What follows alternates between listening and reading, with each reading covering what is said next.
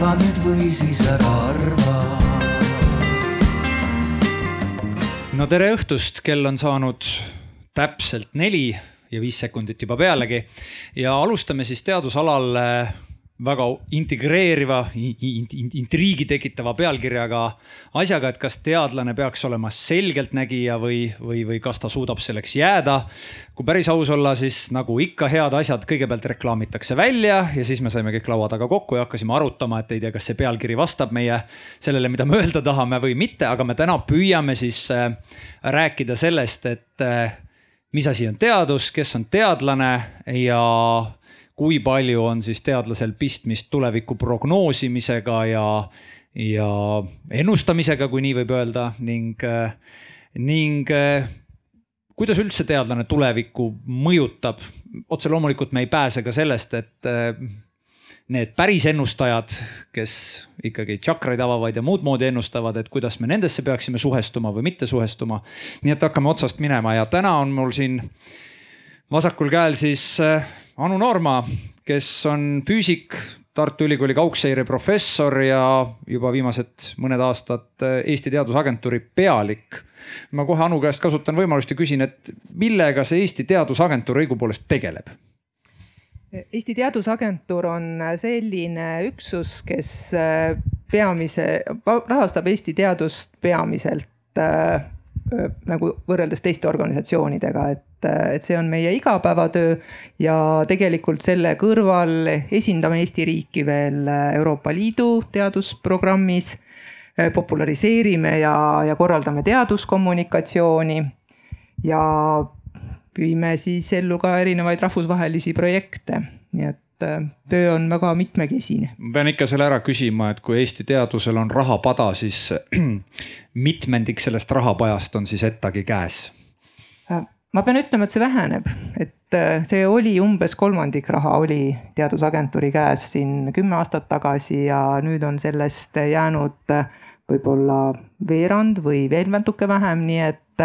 et kuigi teadusagentuuri pada väheneb, siis tervikuna Eesti teadusraha suureneb, mis tähendab seda, et neid, kes teadusraha jagavad, neid on Eestis nüüd rohkem ja see tähendab seda, et tuleb rohkem koostööd teha suurepärane, äh, järgmisena istub ilmselt kõige kuulsam teadlase nägu siin laval. Krista Fischer, kes on siis matemaatika akadeemik ja kuulsaks sai muidugi tänu teadusnõukojale. ma pean küsima Krista käest, et kuidas siis kuulsus sind ja sinu tööd mõjutanud on no,? eks seda on võib-olla raske öelda, nii palju on mõjutanud, et oli aegu, kus tõepoolest, et meedia poolt pöörduti minu poole märksa rohkem kui kui seda varem juhtus. aga eks muidu ma teen ikka ju oma tööd edasi, tegelen nii teaduse kui statistika õpetamisega. et ega see on jah see kommunikatsiooni pool tuleb nagu sellise paratamatusena juurde ja seda siis üritame teha nii hästi, kui oskame, aga muidu ma ei oska midagi muud öelda võib. võib-olla, võib-olla olen aidanud natuke oma eriala populariseerida, sest sel aastal on meil tõesti erakordselt palju tudengeid, kes on tulnud õppima matemaatilist statistikat ja ka matemaatikat ja selle üle on mul küll väga hea meel, et, et äkki see, et statistikud on rohkem pildil olnud nüüd küll tänu mitte nii toredale asjale, nagu seda on koroonapandeemia, aga võib-olla millegiks oli see siis hea ka. aitäh, järgmine on meil Mihkel Kangur, Tallinna Ülikooli pikaaegne ökoloogia vanemteadur haridusteaduste magister ja sa oled olnud ka jätkusuutlikkuse dotsent ja hetkel minu andmetel Rakvere riigigümnaasiumis õppe- ja arendusjuht. mul tekkis küsimus, millega tegeleb jätkusuutlikkuse jätkusuutlikkuse programm või no ühesõnaga, sa oled dotsent, sa õpetad, aga millest, mida sa õpetad, mis asi see jätkusuutlikkus siis on, mida ülikoolis õpetatakse? jah,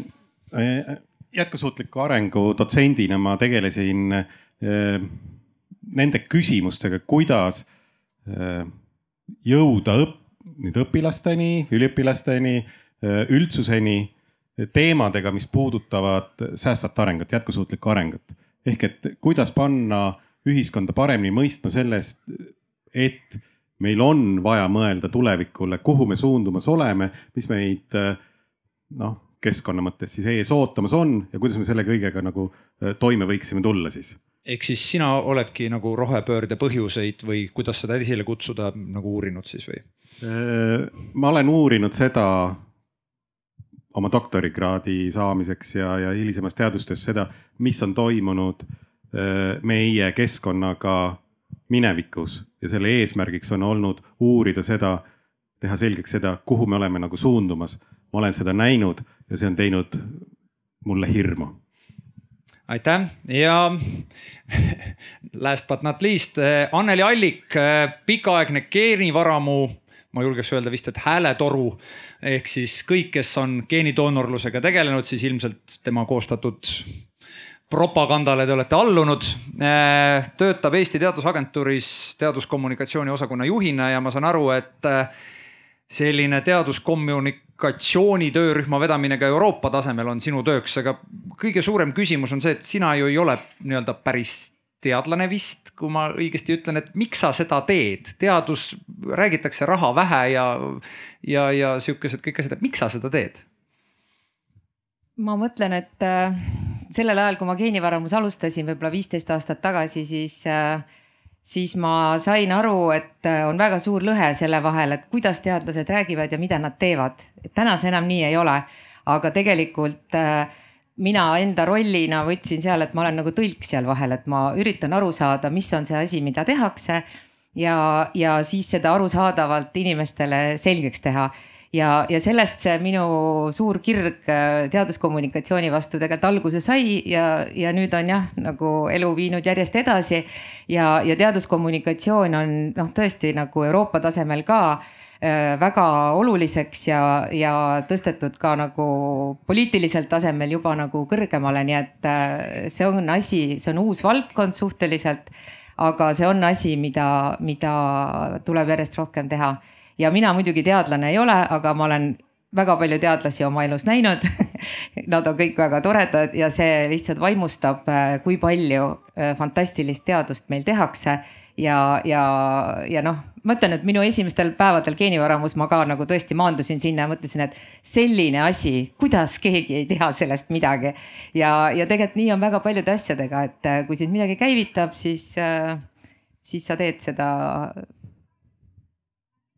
aitäh, ma kohe, ma väga lootsin, et sa positsioneerid ennast kui teaduse müügimeest, aga sa positsioneerid ennast kui sünkroontõlki, aga ma ikkagi tahaks küsida, et. tegelikult teie kõigi käest, panelistid, tahaks küsida, et eh, mis asi see teadus on, sest kui mina võtan äh, suhtlen ajakirjanikega, siis ajakirjanikud tahavad öelda kõige kohta teadus. teadus on see, kui keegi ehitab silla, teadus on see, kui rakett lendab ülesse, teadus on see, kui keegi paneb muna pudelisse juba tuhande seitsmesaja kahekümne viiendat korda teadusbussiga laval. Äh, kõik on üks suur teadus, aga et Anneli, mis asi see on, mida sa müüd või noh, tõlgid siis? mis asi see teadus on, kuidas seda piiritlema peaks? ma ei tea, kas see tegelikult ei ole mitte nii, et äh, see, kuidas maailm toimib mõnes mõttes on ka nagu teadusliku maailmavaate osa.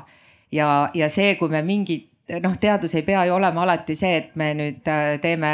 tohutu avastuse, võib-olla see avastus on sada aastat tagasi tehtud. aga, aga nüüd me, nüüd meil on uued meetodid ja uue, uus äh, tehnoloogia, et sellele kinnitust leida ja, ja tegelikult teadus on ikkagi see, mis äh, viib elu edasi, teeb paremaks, teeb innovatsiooni. see kõlas täpselt definitsioon ühele partei koosolekule, kus me siin ees räägime, et meie asi viib kõik võidule. et mis nüüd sellist partei suhtumist ja teadust ikkagi võiks eristada, nüüd on kõigile küsimus, nii et haarake mikrofon, et kuidas me seda teadust piiritlema peaksime, mis asi see selline on?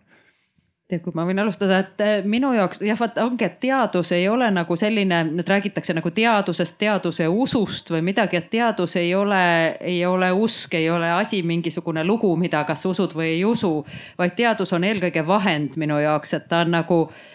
meetodite kogu ja, ja teaduslik mõtteviis, et me tahame teada tõepoolest, kuidas maailm toimib, tahame maailmast aru saada ja tänu sellele tahame paremaid otsuseid teha, et meie elu kogu aeg paremini läheks. ja, ja selleks me kasutamegi seda teaduslikku metoodikat ja, ja läbi selle me jõuame selle uue teadmiseni, et see on nagu vahend. nii nagu meil on vahendiks on arvuti ja vahendiks on pastakas ja teadus on nüüd selline vahendite vahend, eks ju, et, et. Mm -hmm ma kohe, ma hakkan siit natukene vastu, et, et, et mis see tea-, mis see teaduse roll siis ühiskonnas on, on lihtsalt uudishimu rahuldada või, või, või mis see siis, mis siis teadusest kasu on? ei no põhimõtteliselt me võime öelda, et see on kontseptsioon selle kohta, kuidas me langetame otsuseid, selle kohta, kuidas me peaksime elama, kuidas me valitseme enda, ühiskonda, enda käsutuses olevaid ressursse ja kuhu me siis võiks nagu enda arenguga suundumas olla. Et see on, see on lihtsalt üks kontseptsioonidest. seni on ta, tundub, et üks tõhusamaid ähm, valideerimismeetodil lihtsalt saame teada, millised on need parimad meetodid, akumuleerime neid, anname edasi, kasutame enda noh, kapatsiteeti, mis meil looduse poolt antud on, et see, me oleme võimelised seda edasi andma enda järgneva nii-öelda vahendatult järgnevatele põlvedele. Aga ta on meetod selleks, et reguleerida enda tegevust ühiskonnana no minu meelest see on nii hea küsimus, mida sa võiksid küsida tegelikult kõiki, kõikide kuulajate käest ja, ja sel juhul ma kujutan ette, et me saamegi siit paarkümmend erinevat äh, vastust. ja, ja tegelikult see on umbes selline sama kategooria nagu, et mis on õnn ja, ja kõik teavad, mis see on, aga kui, kui defineerima hakata, siis läheb äh, nagu erinevat rada pidi. ja meie siin Kristaga oleme ühe tooli peal kaks reaalteadlast, matemaatik ja füüsik ja sellepärast minu enda jaoks tegelikult see teadusliku meetodi sõna on kindlasti üks märksõna kui nüüd rahastaja seisukohalt võtta, siis see on tegelikult väga-väga selgelt defineeritud, et äh, kui me rahastame teadust, siis me rahastame kindlasti sellist tegevust, kus sees on mingisuguse uudsuse moment. kindlasti peab olema midagi uut, mida selle protsessi vältel soovitakse leida. ja teaduslik meetod selle uue leidmiseks peab kindlasti sisaldama seda, et kõigepealt on hüpotees, et, et sul on tegelikult mingi lähtepunkt, millest alates sa kas sa, sa lihtsalt ei vaata ja ei mõtle, et ohoo, uuriks siit, uuriks sealt, vaid et sul on tegelikult hüpotees, mida sa püüad siis kas tõestada või ümber lükata. ja selle jaoks tuleb koguda andmeid. ja kui need andmed on ära kogutud, siis, siis peab kontrollima, et kas see tulemus, mida sa siis tõestasid, et klapib või mitte, et see tuleb sõltumatutel andmetel ära tõestada. ja niimoodi käib see tegelikult tsüklina nii kaua, kuni jõutakse piisava täpsuseni no me teame, et meil on teadusauhinnad, antakse Nobeli preemiaid ja siis on meil ka veel eh, IG Nobeli ehk siis liba-Nobeli preemiad, mis ju tegelikult tegelevad siis eh, mitte libateadusega, vaid teadusega, mis on, võiks öelda, et võib-olla kõrvaltvaataja pilgule võib-olla on õigem öelda kasutu. et eh, kuivõrd teadus peaks olema kasulik ja noh, võib-olla ma tahan uurida mingit asja, mis kedagi teist ei huvita, et, et kust, kuidas teie jaoks tunnetuslikult see piir jookseb, et kuida-, kus me Eestis oleme, et kas me tegeleme ainult kasuliku teadusega, tegeleme kuskil hallis alas või tegeleme sihukese kasutuga, et see on sihuke, tihti teadust süüdistatakse, et noh, tegelete mingi asjaga, mis on teoreetiline, ümarik, et, et kus me täna sellega oleme? Ja mina olen selle üle ka mõelnud, et noh, tegelikult noh, ise ma mõtlen, et teadus üldiselt mind ennast motiveerib, kui ma tunnetan, et see teadus, mis ma teen, et ihk aitab seda maailma natukenegi paremaks teha mingis mõttes meie ol, olgu siis tegu siin inimeste tervisega või, või mingite teadmistega. aga me ei saa nagu iga kord seda nii mustvalgeltki selgitada, kui me räägime sellisest fundamentaalteadusest, olgu selleks siis puhas matemaatika, teoreetiline füüsika ka see, et me saame maailmast paremini aru, mingisugustest seaduspäradest paremini aru, ka see viib lõppkokkuvõtteks ikkagi, ma arvan, sellise natuke parema, noh paremate otsusteni tulevikus. mõnikord see ahel lihtsalt on pikem, et me ei saa kohe öelda, et vot siit tuleb riigile nii palju rohkem raha kuskilt juurde, vaid. Äh, ehk siis me võime teaduse rolli vaadata kui võimaluste loojat siin maailmas. just. et, et see, noh, et teadusest peab olema kasu küsimus on lihtsalt selles, et äh, äh, kuidas me defineerime seda, kellele see on kasulik. et, et see, millega me praegu siin tegeleme, internetiga, mikrofonid siin meil käes, need põhinevad ju teadmistel, teooriatel, arusaamadel, mille teadlased töötasid välja noh, sada, sada viiskümmend, kakssada aastat tagasi. ja see, kui me teeme praegust teadust, siis kas see peab minema kohe turule, kohe peab tal olema ostja. ökoloogina võin öelda, et, et siis ma oleksin totaalselt näljas. olen ka paraku. et ei ole sihukest ettevõtet, kes telliks endale analüüsi, mis ütleks, et, et ära nii tee, nagu sa tahad. et nad enamasti tellivad seda teenust, et kuidas saada paberit korda. aga see selleks, et see, et, et kui me teeme praegu seda teadust, siis see vajalikkus võib selguda alles saja, kahesaja aasta pärast. Ja meie roll teadlastena praegust on tagada, et saja, kahesaja aasta pärast oleks nendel teadlastel eh, olemas teooriad, alusandmed, varasemad uuringud, mis kinnitaks, et nemad töötavad välja mingisugust ühiskonnale vajalikku asja ehk siis mõneti teadlase töö on kui pimesi töö, ehk siis võib juhtuda, et sa ei tea, miks sa oma tööd teed, sa lihtsalt mõneti usud, et sinu tööst tõuseb kasu tulevikus või? noh, meil on äh, olemas ühiskonna arengu seisukohast väljakutsed. Need on, need on eksisteerivad kitsaskohad, väljavaated, perspektiivid ja nendega me peame kuidagi toime tulema. Äh, meil ei ole, meil ei pruugi olla praegust isegi neid äh, küsimusi selle kohta, neid väljakutseid täpselt defineeritud, millega tegelevad saja aasta pärast meie järeltulevad põlved.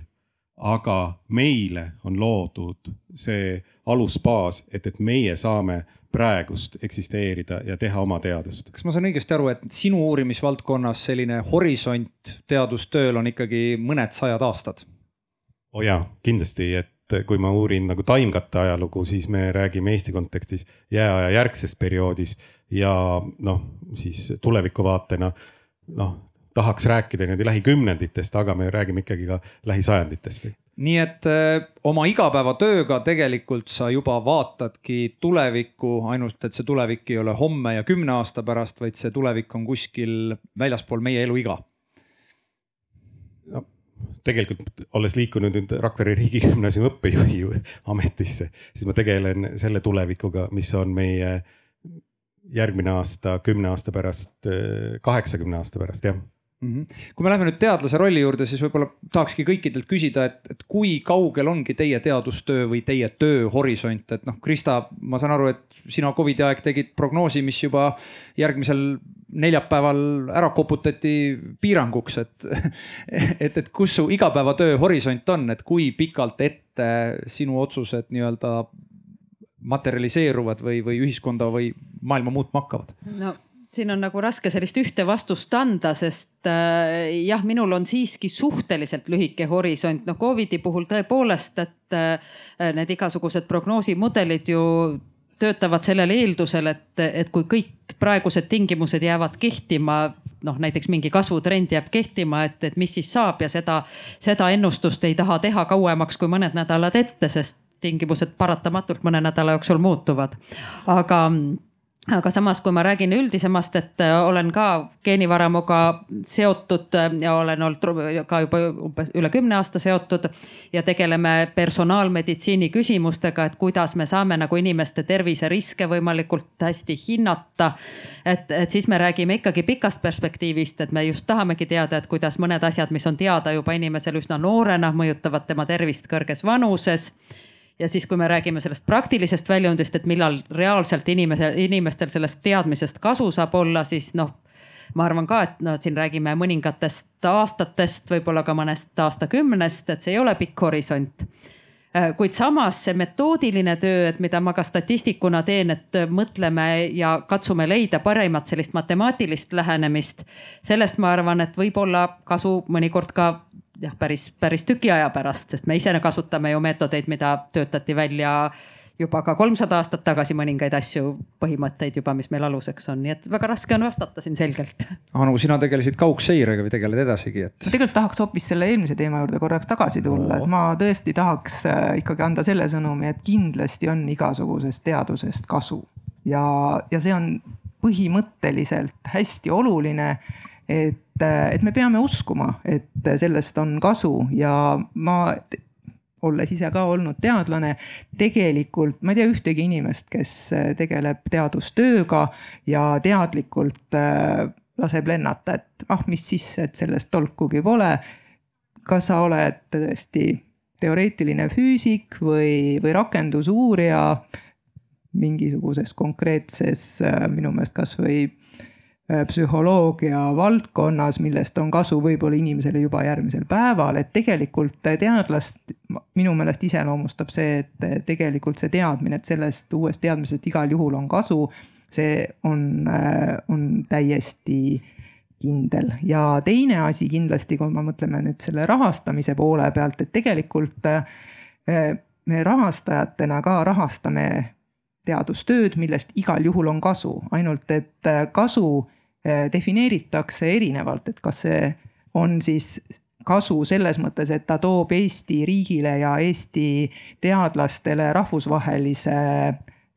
tasemel selge piiri, et jaa, see on rahvusvahelise tipptasemega teadustööd tegelev teadlane. või et selles projektis tegeleb ta rahvusvaheliste tasemel selliste läbimurdeuuringutega ja mõnes teises projektis teeb ta sellist rakendust või, või ka teaduspõhist sellist teenust, kus, kus tõepoolest võib-olla kas ettevõttele või, või mõnele riigiametile hakkab sellest kasu olema, no ma ei tea, järgmisel eelarveperioodil. või tegelikult kogu meie kõrgharidussüsteem, nii ülikoolid kui ka rakenduskõrgkoolid on ju üles ehitatud sellele, et kõrgharidus on teadmistepõhine. mis tähendab seda, et kui teadustöö toimub, siis igal juhul viiakse see juba noorteni, kes õpivad, järelikult igal juhul on sellest kasu, nii et et ma mõtlen, et ma loodan, et me ei tule täna selle vestluse juures tagasi teema juurde, et kuskil on mingi kasutu teadus ja siis on mingi teine, mis on kasulik teadus. lihtsalt sellepärast, et mingi osa teadust saab natukese aja pärast kuidagi rahaks väänata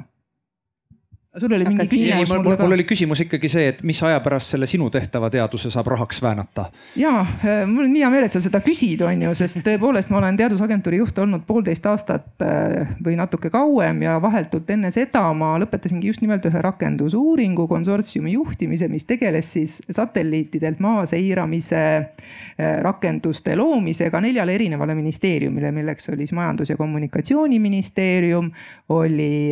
Keskkonnaministeerium ministeerium, oli siseministeerium ja siis ka haridus- ja teadusministeerium. et ja tõepoolest võib-olla mõned asjad, näiteks nagu veetaseme seire Eesti rannikuvetes ja jõgedes, järvedes. see on tegelikult teema, mis, mis on ühteviisi rakendatav, ma ei tea, sadamate projekteerimisel või rannikualade looduskeskkonna seiramisel või siis ka tõesti kindlustuse ja ehituslubade väljaandmisel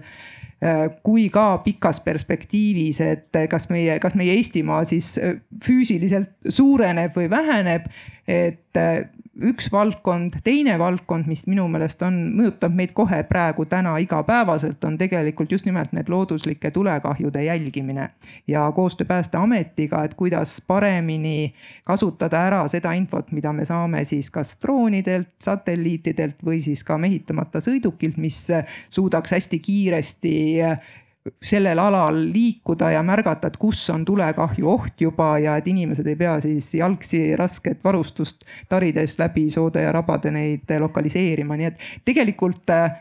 hea, et sa seda küsisid, mul on nii hea meel öelda, et jaa, mõnes asjast on kohe kasu ja need uuringud on tegelikult äh, käiku lülitatud ja tõepoolest mul on hea meel, et enne kui ma ära töötasin, jõudsin ikka midagi kasulikku ka teha mitte, et ma nüüd oleks kahelnud, et kõik on kasutu, ma igaks juhuks lisan veel kommentaariks, et neid libanobeleid antakse välja naljakate asjade eest ja ma üks aasta isegi süübisin neisse, et mille eest siis välja anti ja üks selline teadustöö millest peab tunnistama, et ilmselt kellelegi oli kohe kasu, käsitles seda, et millise kalde all kaldteed pidi on kõige lihtsam äh, lambaid lohistada treilerisse, millega neid transporditakse tapamajja Äh, see oli Austraalias äh,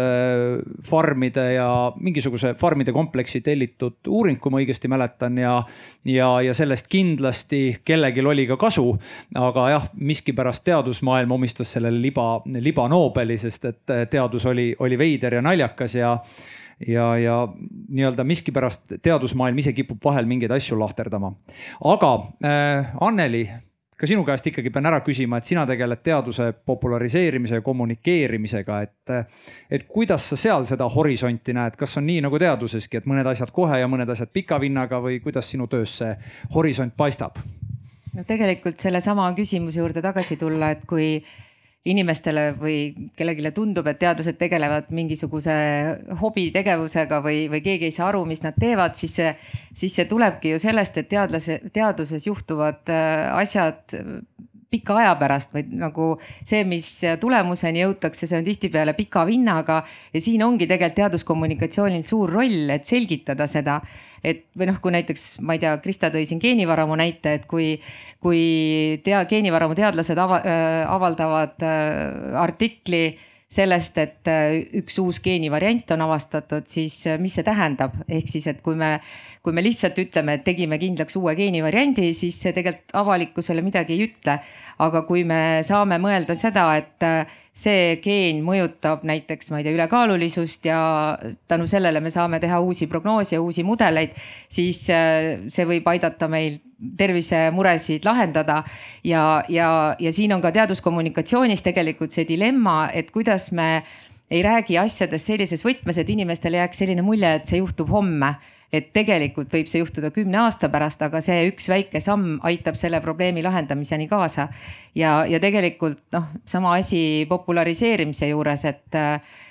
et noortega tuleb ikkagi tegeleda ja, ja noortele tuleb asju seletada omas võtmes, teha neile seda huvitavaks, noh, üks väga hea näide on ju,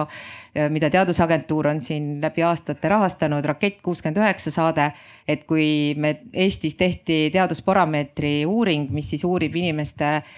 kokkupuudet teadussaadetega või teadusteemadega avalikkuses, siis äh, minu jaoks üllatavalt ütles nagu ma ei tea umbes, umbes nelikümmend protsenti Eesti inimestest, et äh, esimese teadusteemana, mis neile pähe torgatab, on raketisaade.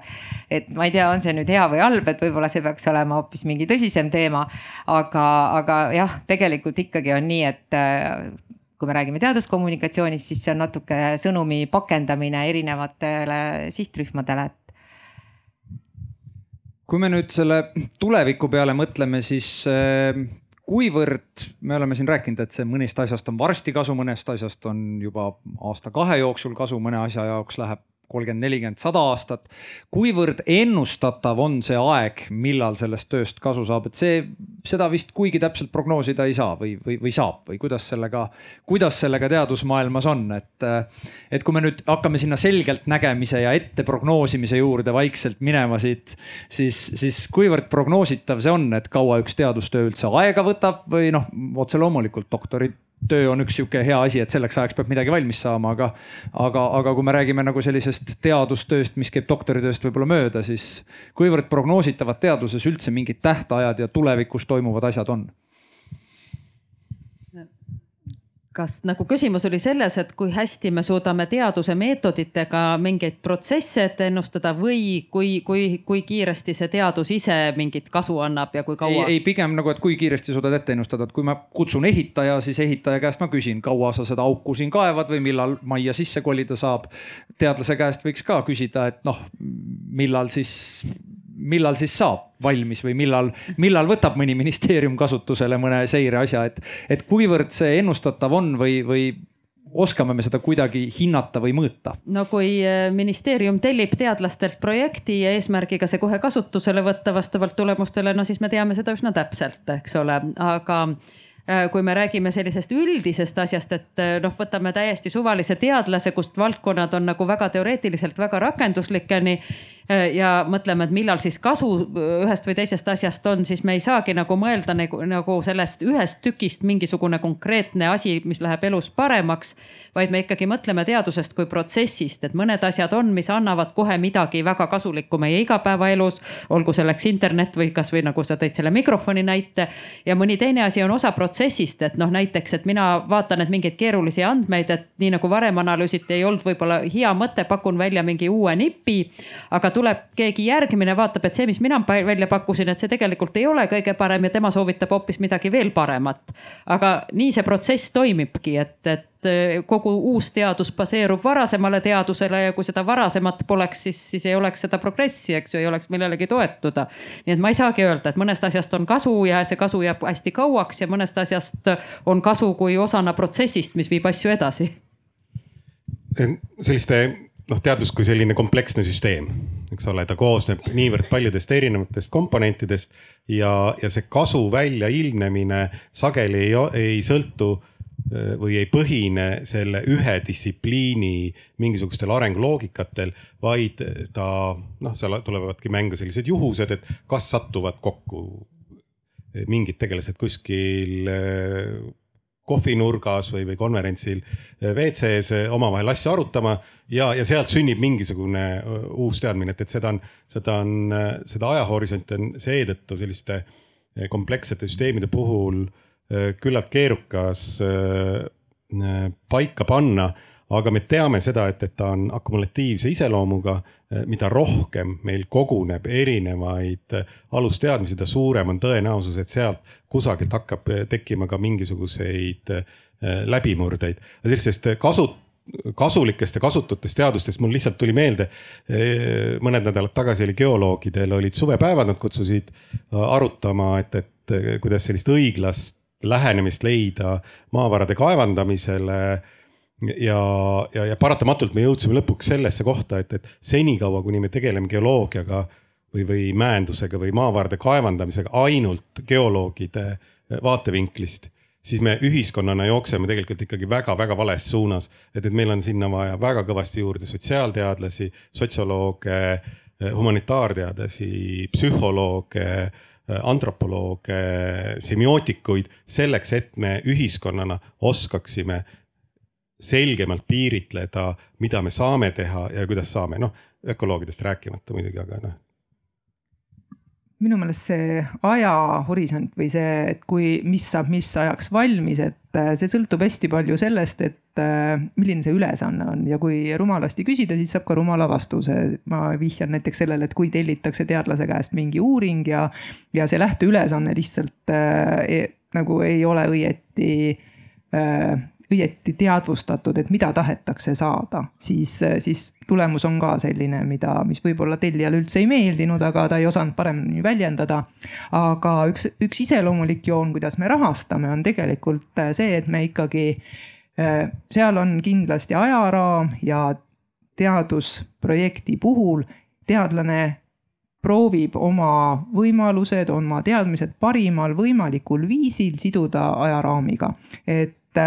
kui meil on näiteks viieaastast projekti parasjagu rah tahame rahastada, siis teadlane pakub oma iseenda teadusloogikast ja oma võimete, oskuste ja parema arusaamise kohaselt ikkagi ka mingi ajagraafiku. kui on ministeeriumi poolt tellitud lähteülesanne, siis äh, ministeerium tõesti ütleb, mida ta tahab saada ja mis ajaks ja see, need teadusrühm või konsortsium, kes sellele vastab, siis, siis annab nagu vastuse, et mida selle ajaga ja selle rahaga on võimalik saada. ja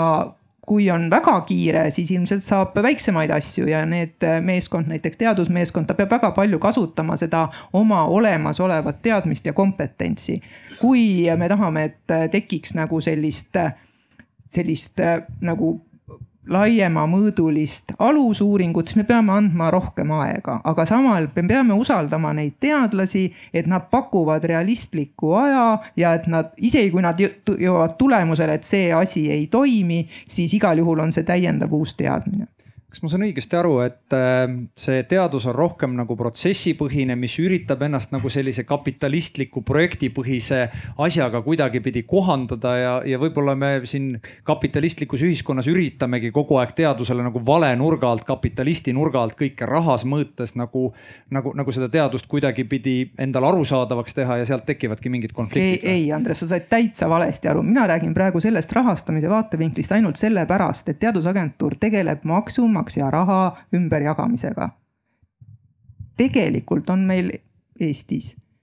akadeemiline vabadus, teadlased võivad tegelikult uurida neid asju, mida nad vajalikuks peavad. Riik, see tähendab teie, ei pea oma rahakotist andma kõikidele inimestele raha, kes tahavad midagi uurida teadusagentuur on see vahendaja, kes maksumaksja raha järgi vaatab, et ahaa, maksumaksja rahast meil on nii palju ja siis me valime välja, kellele me maksumaksja raha jagame ja mis tingimustel. aga see ei tähenda seda, et need, kes ei saanud projekti, et nad ei tohiks midagi uurida. muidugi tohivad. nii et ma tahan sulle öelda, et ei ole nii, et me surume teadlasest raami ja vaata, mida sa selle raha eest uurid ja siis uuri selleks tähtajaks. see ei ole nii, aga see, et meil on võimalus riigi poolt võimaldada teatud tingimustel, teatud uurijatele, teatud eesmärkidel rahaline ressurss, ma arvan, et see on hästi suur, suur võimalus, mida Eesti riik oma teadlastele püüab pakkuda nii hästi, kui see võimalik on, oleneb sellest, kui palju,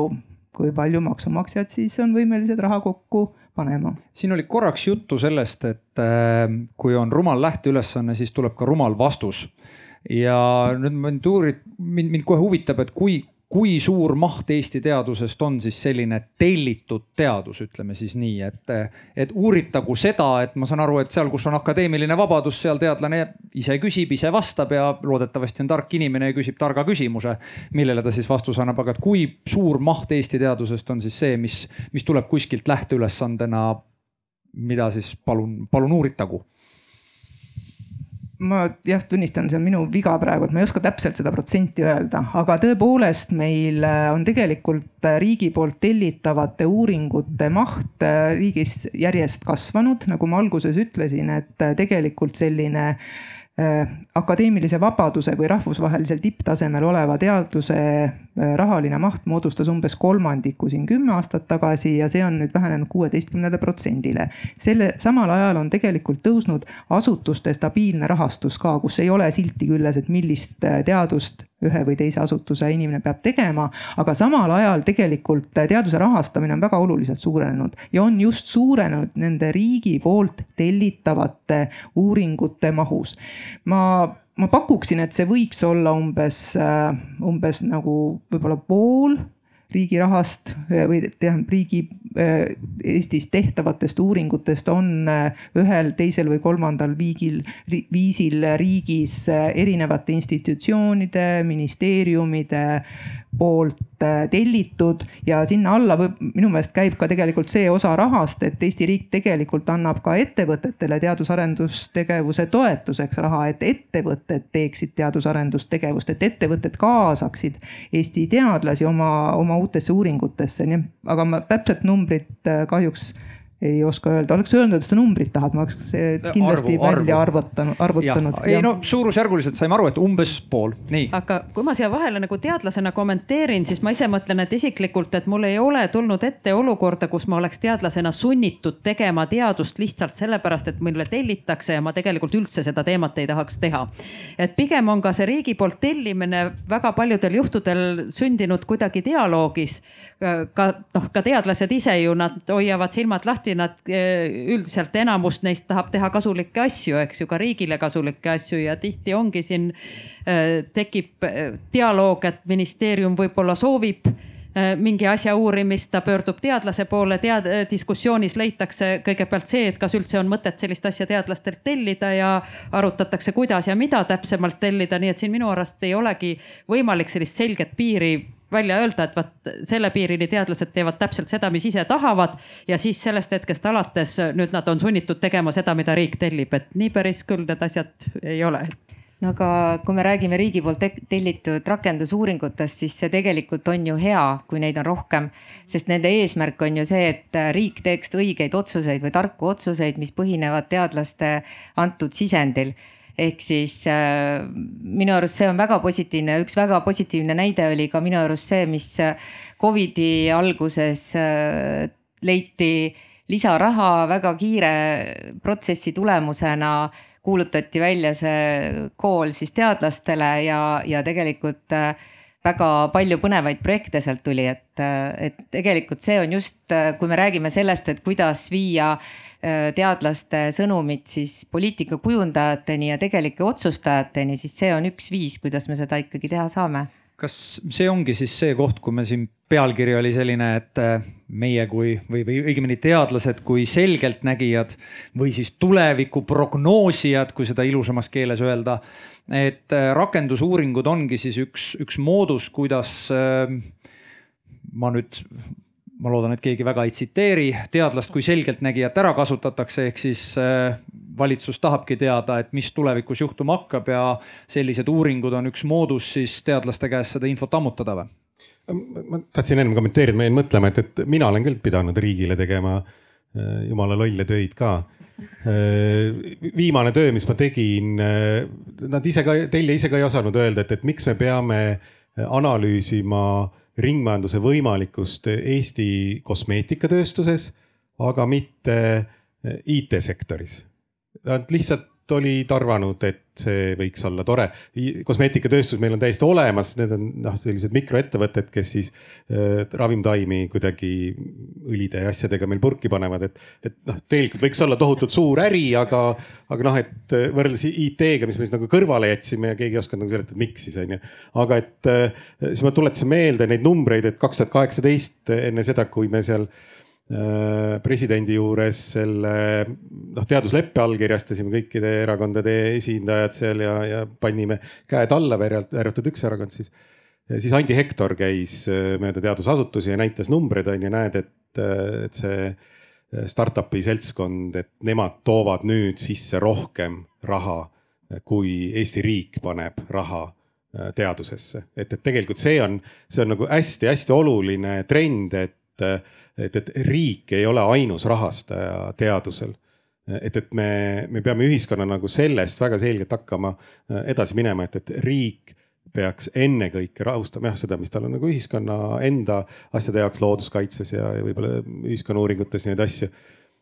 riigi roll on tagada see, et, et kahesaja aasta pärast on meil olemas teooriad, millele tuginedes lahendada siis üles kerkivaid probleeme, aga eraettevõtlus, äh, ministeeriumide osakonnad, ametid, nemad tellivad väga head teadust väga heade küsimustega ma siinkohal nüüd ikkagi pean viskama ühe ärritava küsimuse ka üles, et mis värk selle kliima soojenemisega ikkagi on, et. et kas see nüüd on siis tingitud sellest, et üks küsib teadlase käest, et miks ta soojeneb ja teise teadlase käest küsib, et miks ta ei soojene ja siis saamegi erinevad vastused. on see koolkondade mure või nagu vandenõuteoreetikud ütlevad, et ongi illuminaadid, erinevad teadlased kokku ostnud või, või et ühesõnaga, kus see kuidas sa seda, selliseid olukordi, kus teadlased ei ole nagu mitte teps ühel meelel, äh, kuidas, kuidas sa neid nagu mhm. tekkepõhjuseid äh, kuidagi mudeldaksid? ma ei tea ühtegi teadlast, äh, kes väidaks, et, et kliimamuutused ei ole eksisteeriv nähtus ja et ta ei ole inimkonnale suurim oht ma muidugi laiendaksin kohe. no ma, ma siis, ma, ma võin kohe laiendada seda teemat kohe näiteks Tartu tselluloositehasele, kus ähm, samamoodi väga erinevad arvamused olid äh,. teadust vist ei jõudnud keegi selle ümber väga teha üldse. aga, aga, aga arvamused olid, et, et, et kus. ei, need arvamused võivad ju olla, aga et, et, et, et nii fundamentaalses asjas nagu küsimus selles, et kas maakeral toimuvad olulised keskkonnamuutused, me võime noh, nii-öelda ühe sõna alla kokku võtta kliimamuutustena siis. et, et kas see on reaalselt eksisteeriv oht või mitte, siis mina ei tea mitte ühtegi teadlast. ma tean väga palju inimesi, äh, kes seda, seda küll eitavad, aga nende noh, nii-öelda tunnus teadlasena jääb sageli siis selles küsimuses suhteliselt nõrgaks. ehk siis sa viitad sellele, et pigem ei ole mitte küsimus äh siis teaduses, äh, vaid selles, kuidas teadust on kommunikeeritud, et meil on erinevad pealkirjad ajakirjandusse jõudnud Int,. intriig müüb ja, ja noh, on, on kindlasti äh, väga oluline tähele panna seda, et, et ühiskonnas globaalselt laiemalt arusaam kliimamuutustest äh,, kliimamuutuste ohust. esiteks ma alati tuletan meelde selle aastal tuhat üheksasada kaksteist ehk et sada kümme aastat tagasi saame tähistada juubelit üks viide on augustikuusse, teine on märtsikuusse, ilmusid teadusnupud selle kohta, et kui fossiilsete kütuste kasutamine jätkub, siis selle tagajärjeks on kliima soojenemine ja see muutub lähisajandite jooksul inimkonnale ohuks. no praeguseks me oleme jõudnud olukorda, et, et lähiaastatel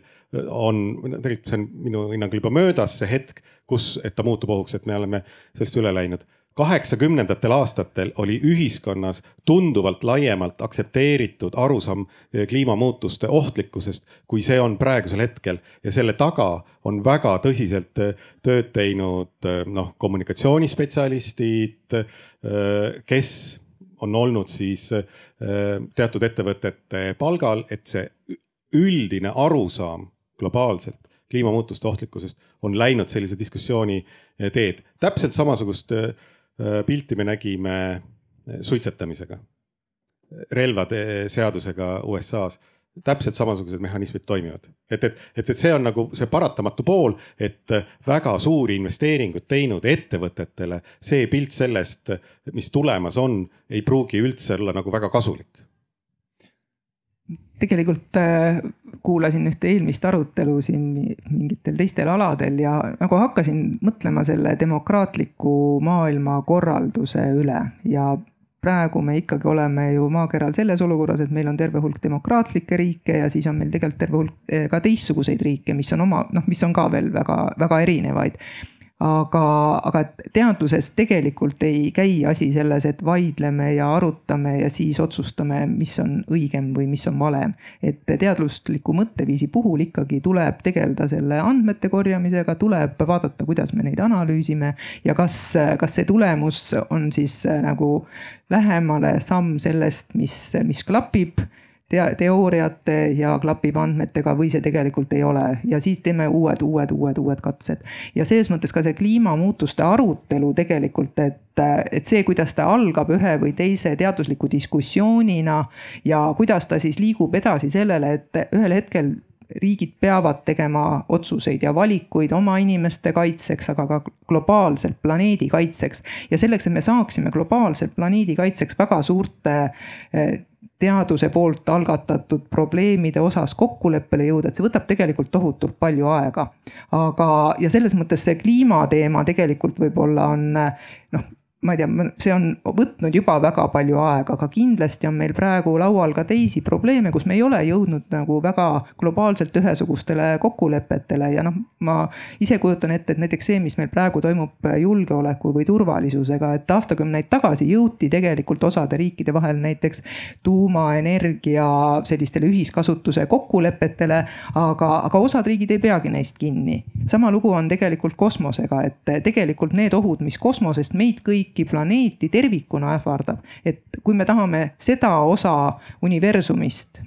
lisaks maale kasutusele võtta, et me peame suutma kokku leppida erinevate riikide, kultuuride, erinevate inimeste vahel ja selle koha peal tegelikult see teaduslik lähenemine või see, millest me Eestis palju räägime, selline teaduspõhine maailmavaade ja, ja teadusmahukas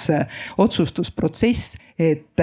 et see on tee, mis, mis lähendab inimesi ja riike ja kultuure ja see on minu meelest ainus tee, mida mööda me saame käia, et tulevik üldse oleks olemas. Kas ma saan õigesti aru, et me tegelikult teadlased näevad ette väga paljusid ohte ja probleeme, aga eristab selgelt nägemisest see pool, et kui selgeltnägija näeb ette, et sa vist homme jääd auto alla, siis ta oskab kohe öelda, et aga ära mine õue aga teadlane tihtipeale näeb ette, et on probleem, aga ta veel ei tea, mis on lahendus. et kas, kas see võib olla üks selliseid, selliseid nii-öelda ühelt poolt nagu eristuvaid as aspekte ja teiselt poolt ka oht, et miks teadlast ei võeta nagu tõsiselt, kui teadlane juba ammugi ütleb, et meil on oht selles või teises valdkonnas? no teadlane, no muidugi jah, statistikuna saan alati vastu vaielda sellele, et kas teadlane saab üldse olla selgeltnägija, et alati räägimegi sellest, et milliste teooriatega on meie and-, teooriate või mudelitega on siis meie andmed kooskõlas. Ja neid olukordi on erinevates teadusvaldkondades küll, kus me näeme, on mingisugused andmed ja siis üritataksegi vaadata, seal on hästi palju tihti ka matemaatikat mängus, et mil-, et millised mudelid nagu seletavad ära selle, et just selliseid andmeid saadakse ja neid võib olla mitu. et hästi põnevad on minu jaoks näiteks need populatsioonigeneetika teemad, kus üritatakse siin vanadelt luudelt saadud DNA järgi siis tuletada seda, kuidas erinevad rahvad on rännanud minevikus ja põnev on näha jah, et kuidas ja miks nad põhjendavad neid mudeleid ja teadmisi ja kuidas see teadmine järk-järgult paraneb, aga seal ongi tihti ka olukordi, kus võib olla alternatiivseid seletusi mingitele andmetele, et aga mulle tundub, et kliimamuutus päris ei ole üks sellistest näidetest, kus saaks nagu mitut, mitmet moodi neid äh, andmeid tõlgendada, aga see pole ka otseselt minu valdkond. no, no aga Anneli, ma ikkagi, sina kui teaduse populariseerija, teadlased räägivad juba pikalt, aga inimesed ikka ei usu, et süst ei tapa ja, ja ja et meil nagu noh, kliimaasjad juhtuvad, et, et kus see koer võib maetud olla? no siin ongi selge vahe see, et kui me räägime näiteks äh, libauudistest või valeuudistest, mida on väga kerge levitada ja kui me räägime sellest, et äh, võib-olla kaheksakümnendatel oli selgem arusaam inimestel või, või sarnasem arusaam siis tegelikult, kuidas on meie meediamaastik ja info tarbimine muutunud. et äh, noh, kaheksakümnendatel kuulasid uudiseid ja lugesid raamatuid ja ajalehti ja, ja võib-olla natuke rohkem. aga tänasel päeval, kus ikkagi populistidel on võimalik äh, ja seal taga on ju ka tegelikult teadus, kuidas töötavad Facebooki algoritmid, kuidas neid ära kasutada, et äh, kuidas oma sõnumit levitada. ja, ja populistidel on tänapäeval ikkagi väga-väga palju suuremad võimalused. Pluss veel see, et teadlased ei hakka kunagi noh, nii-öelda lahmima et ütlema, et nii on või, või ma tean, aga need usukuulutajad, kui me räägime vaktsineerimisest või, või vaktsiinivastastest, et siis, kui üks ütleb, et et nii on, et mul, ma ei tea, juuksuri, ma ei tea, täditütar suri ja tema mees jäi haigeks ja kolmas aga juhtus veel mingi hull asi tänu vaktsineerimisele. siis äh, see tundub kuidagi võib-olla äh, lähedane ja inimlikum suhe, kui keegi teab kedagi, kes teab kedagi, kui see, kui teadlane ütleb, et vot praeguste andmete põhjal, meie praeguste teadmiste alusel me võiksime öelda nii, kui alusandmed muutuvad, siis on võib-olla natuke teistmoodi. ja nagu noh, tegelikult siin sa tõid ka enne välja just selle, et me peaksime rohkem sotsiaalteadlasi kaasama, kui me räägime siin, ma ei tea Äh, maavarade kaevandamisest või kliimamuutustest, et, et tegelikult see, see ühiskonna kaasamine on, ei ole ainult ühe konkreetse valdkonna spetsialistide ülesanne, vaid seal tuleb kasutada palju rohkem vahendeid. ja, ja noh, täpselt see üks ütleb, ma tean, et nii on ja teine ütleb, et noh võib-olla nii, võib-olla naa, sest teadlased on alati oma loomultki kahtlevad mm. ja see ei ole see jälle, mis äh, sunnib suuri masse uskuma panema seda. teadlase sõnum on keeruline tihti. sead ja teadlase ja. sõnum on keeruline ja, ja seda ei saa ka üleliia lihtsustada, sest siis see jälle noh, ütleme, on ka nagu kahe teraga mõõk, et kui sa seda liiga lihtsaks teed, siis jälle need, kes natuke rohkem teavad, ütlevad, et. Äh, teine teadlane tuleb kohe. ja et sa pead säilitama näo nii publikule, tavakodanikele kui ka oma kolleegidele, et, et nüüd leida see tasakaal, et sa oma kolleegidega räägid selliselt tõenäosuslikus keeles ja, ja teistele pead siis ütlema sellise eh, kindla, kindla kõne ja, ja selge silmavaatega, et nii on. muide, eh, lubasin eh, seal peaväljaku juures, linna peaväljaku juures, seal on radioloogiabuss, mis tegelikult praegust seal saab vaktsineerida et äh, minge, käige veel õhtul, vaktsineerige ära, tuleb oktoober kergem. et, äh, et, et see, see, see kommunikatsioon ongi, ongi raske ja, ja, ja seda, äh, kuidas neid asju nüüd selgitada, sellega tegelikult me siin alustame natukene teaduse populariseerimisest ja nendest mõtetest ja, ja minul läheb kohe nüüd sellise õppejuhina see mõte sinna teele, et, et mis toimub meie koolis kui me peame siis kõrvalt hakkama väga suurte summadega tegelema sellega, et, et inimestele selgeks tegema, et, et teaduslik meetod on midagi sellist, mis sinu elu teeb lihtsamaks, praktilisemaks, ägedamaks, noh kergemaks, ütleme niimoodi, sa tuled paremini toime enda rahaasjadega ka. et me, me, meil juhtub midagi kusagil seal pärast lasteaeda, kus siis lapsed kaotavad lihtsalt huvi uurida, selgeks saada, avastada, katsuda närida seda, mis meie ümber on, et, et võib-olla, võib-olla on küsimus selles, et, et meil on pikalt süüdistatud seda koolisüsteemi, et nii või naapidi, aga kummal see nüüd suurem mõju on, kas meedial või, või, või koolisüsteemil, sest et noh, hiljuti ilmus lugejakirjas, lugejakiri on sihuke, kus kirjutatakse asjad üle vundi ja ülimalt sarkastiliselt. üks artikkel, et Eestist leiti üks neljakümnendates aastates naisterahvas, kes ei olegi ravitseja, kristalliusku ja neid komasid jätkus sealt pikalt, aga et lõpuks leiti üks selline isend. ja äh, kui nüüd hakata ajas tagasi kerima, siis siis tõepoolest ka minu generatsioonis on ju selliseid inimesi, kes, kes mitte ei taha vaktsineerida ja, ja kui nüüd kerida aeg tagasi, siis nemad käisid koolis Eestis üheksakümnendatel. mis tähendab siis seda, et kui kooliharidus jäi puutulikuks, siis see pidi olema üheksakümnendate aastate mure. et, et, et kuivõrd me täna üldse seda näeme, et, et, et nii-öelda üheksakümnendate kool, tänapäeva kool ja, ja tänapäeva noorte uskumused ja arvamused, et kuivõrd, kuivõrd me tegelikult neid tänaseid noori üldse peame selles veenma, et, et süsti on vaja teha või me peame ikkagi tegelema selle üheksakümnendatel tekkinud hariduse auguga? tegelikult äh, tahaksin just rõhutada seda, et me kõik peame olema targemad ja see tegelikult äh, on kindlasti suur koormus meie, meie haridussüsteemile, aga tegelikult see on väga suur koormus ka igale inimesele personaalselt. selles mõttes, et me oleme tegelikult eeskujuks oma lastele, oma, oma sugulastele ja, ja selleks, et olla targem, tegelikult tuleb valmis olla pingutusteks ja ohverdusteks ja ma arvan, et see on üks asi, mida, mida, mida me sellise, sellise kaasaegse inimesena ikkagi tahaksime, et elu läheks lihtsamaks ja mugavamaks ja, ja aga kui me päriselt äh, mõtleme sellele, selle üle, siis, siis tegelikult me teeme valikuid ja oleme valmis äh, kindlasti igasuguseid raskuseid ületama. juhtumisi peaks, äh, ei ole praegu võib-olla see tark olemine see prioriteet ja see on kindlasti selline, selline teema, millega ma pakun, et võiks tegeleda nüüd nagu üle riigi ühtemoodi ja see ei tähenda tegelikult mitte ainult populariseerimist, et me räägime kuidagi lihtsamalt lastele keerulistest asjadest või et teadlased räägiksid veel rohkem ja veel rohkem ja, ja et, et oleks selline selline kõiki hõlmav süsteem, kust kõik peavad läbima, et kas nad on piisavalt targad, et olla näiteks lapsevanemad või, või minna riigiasutusse tööle. ma kaldun arvama, et see ei ole nagu see trend, et nüüd kõik need üheksakümnendatel noored olnud inimesed on kuidagiviisi mugavamad või laisemad või, või ei taha rohkem vaktsineerida, et, et et, et tegelikult seal on nii palju erinevaid põhjusi ja mida vähem me sildistaksime nagu negatiivselt, et keegi on halb, keegi on süüdi ja keegi teeb rumalasti. vaid toome välja neid positiivseid võimalusi, mis, mis siis avaneb, et seda rohkem on inimesed koostööaldid ja praegu, kui me tõesti teaduse peale mõtleme, siis peaaegu kõik teadusharud on, on tegelikult multidistsiplinaarsed. et noh, väga raske on välja tuua seda, seda teadusharu või seda teadustööd, kus teadlane istub üksinda oma nurgas ja püksib, püsib täitsa üksi omaette ja, ja ei mõtle ka selle peale, kas sellest on kasu või mitte, et tegelikult see teaduse kriteerium on see, et tõepoolest publitseeritakse rahvusvahelises teaduskirjanduses. miks seda vaja on, mitte selle jaoks, et rahastaja saab kuskile linnukese panna, vaid see annab tegelikult selle kvaliteedi kriteeriumi, et kõik teised maailma teadlased saavad vaadata, kas see kuskile kõlbab või ei kõlba, saavad vastu vaielda, saavad poolt olla ja niimoodi ajapikku koorub välja, mis see päris uus teadmine on. või kui see on mingi rakenduse jaoks välja mõeldud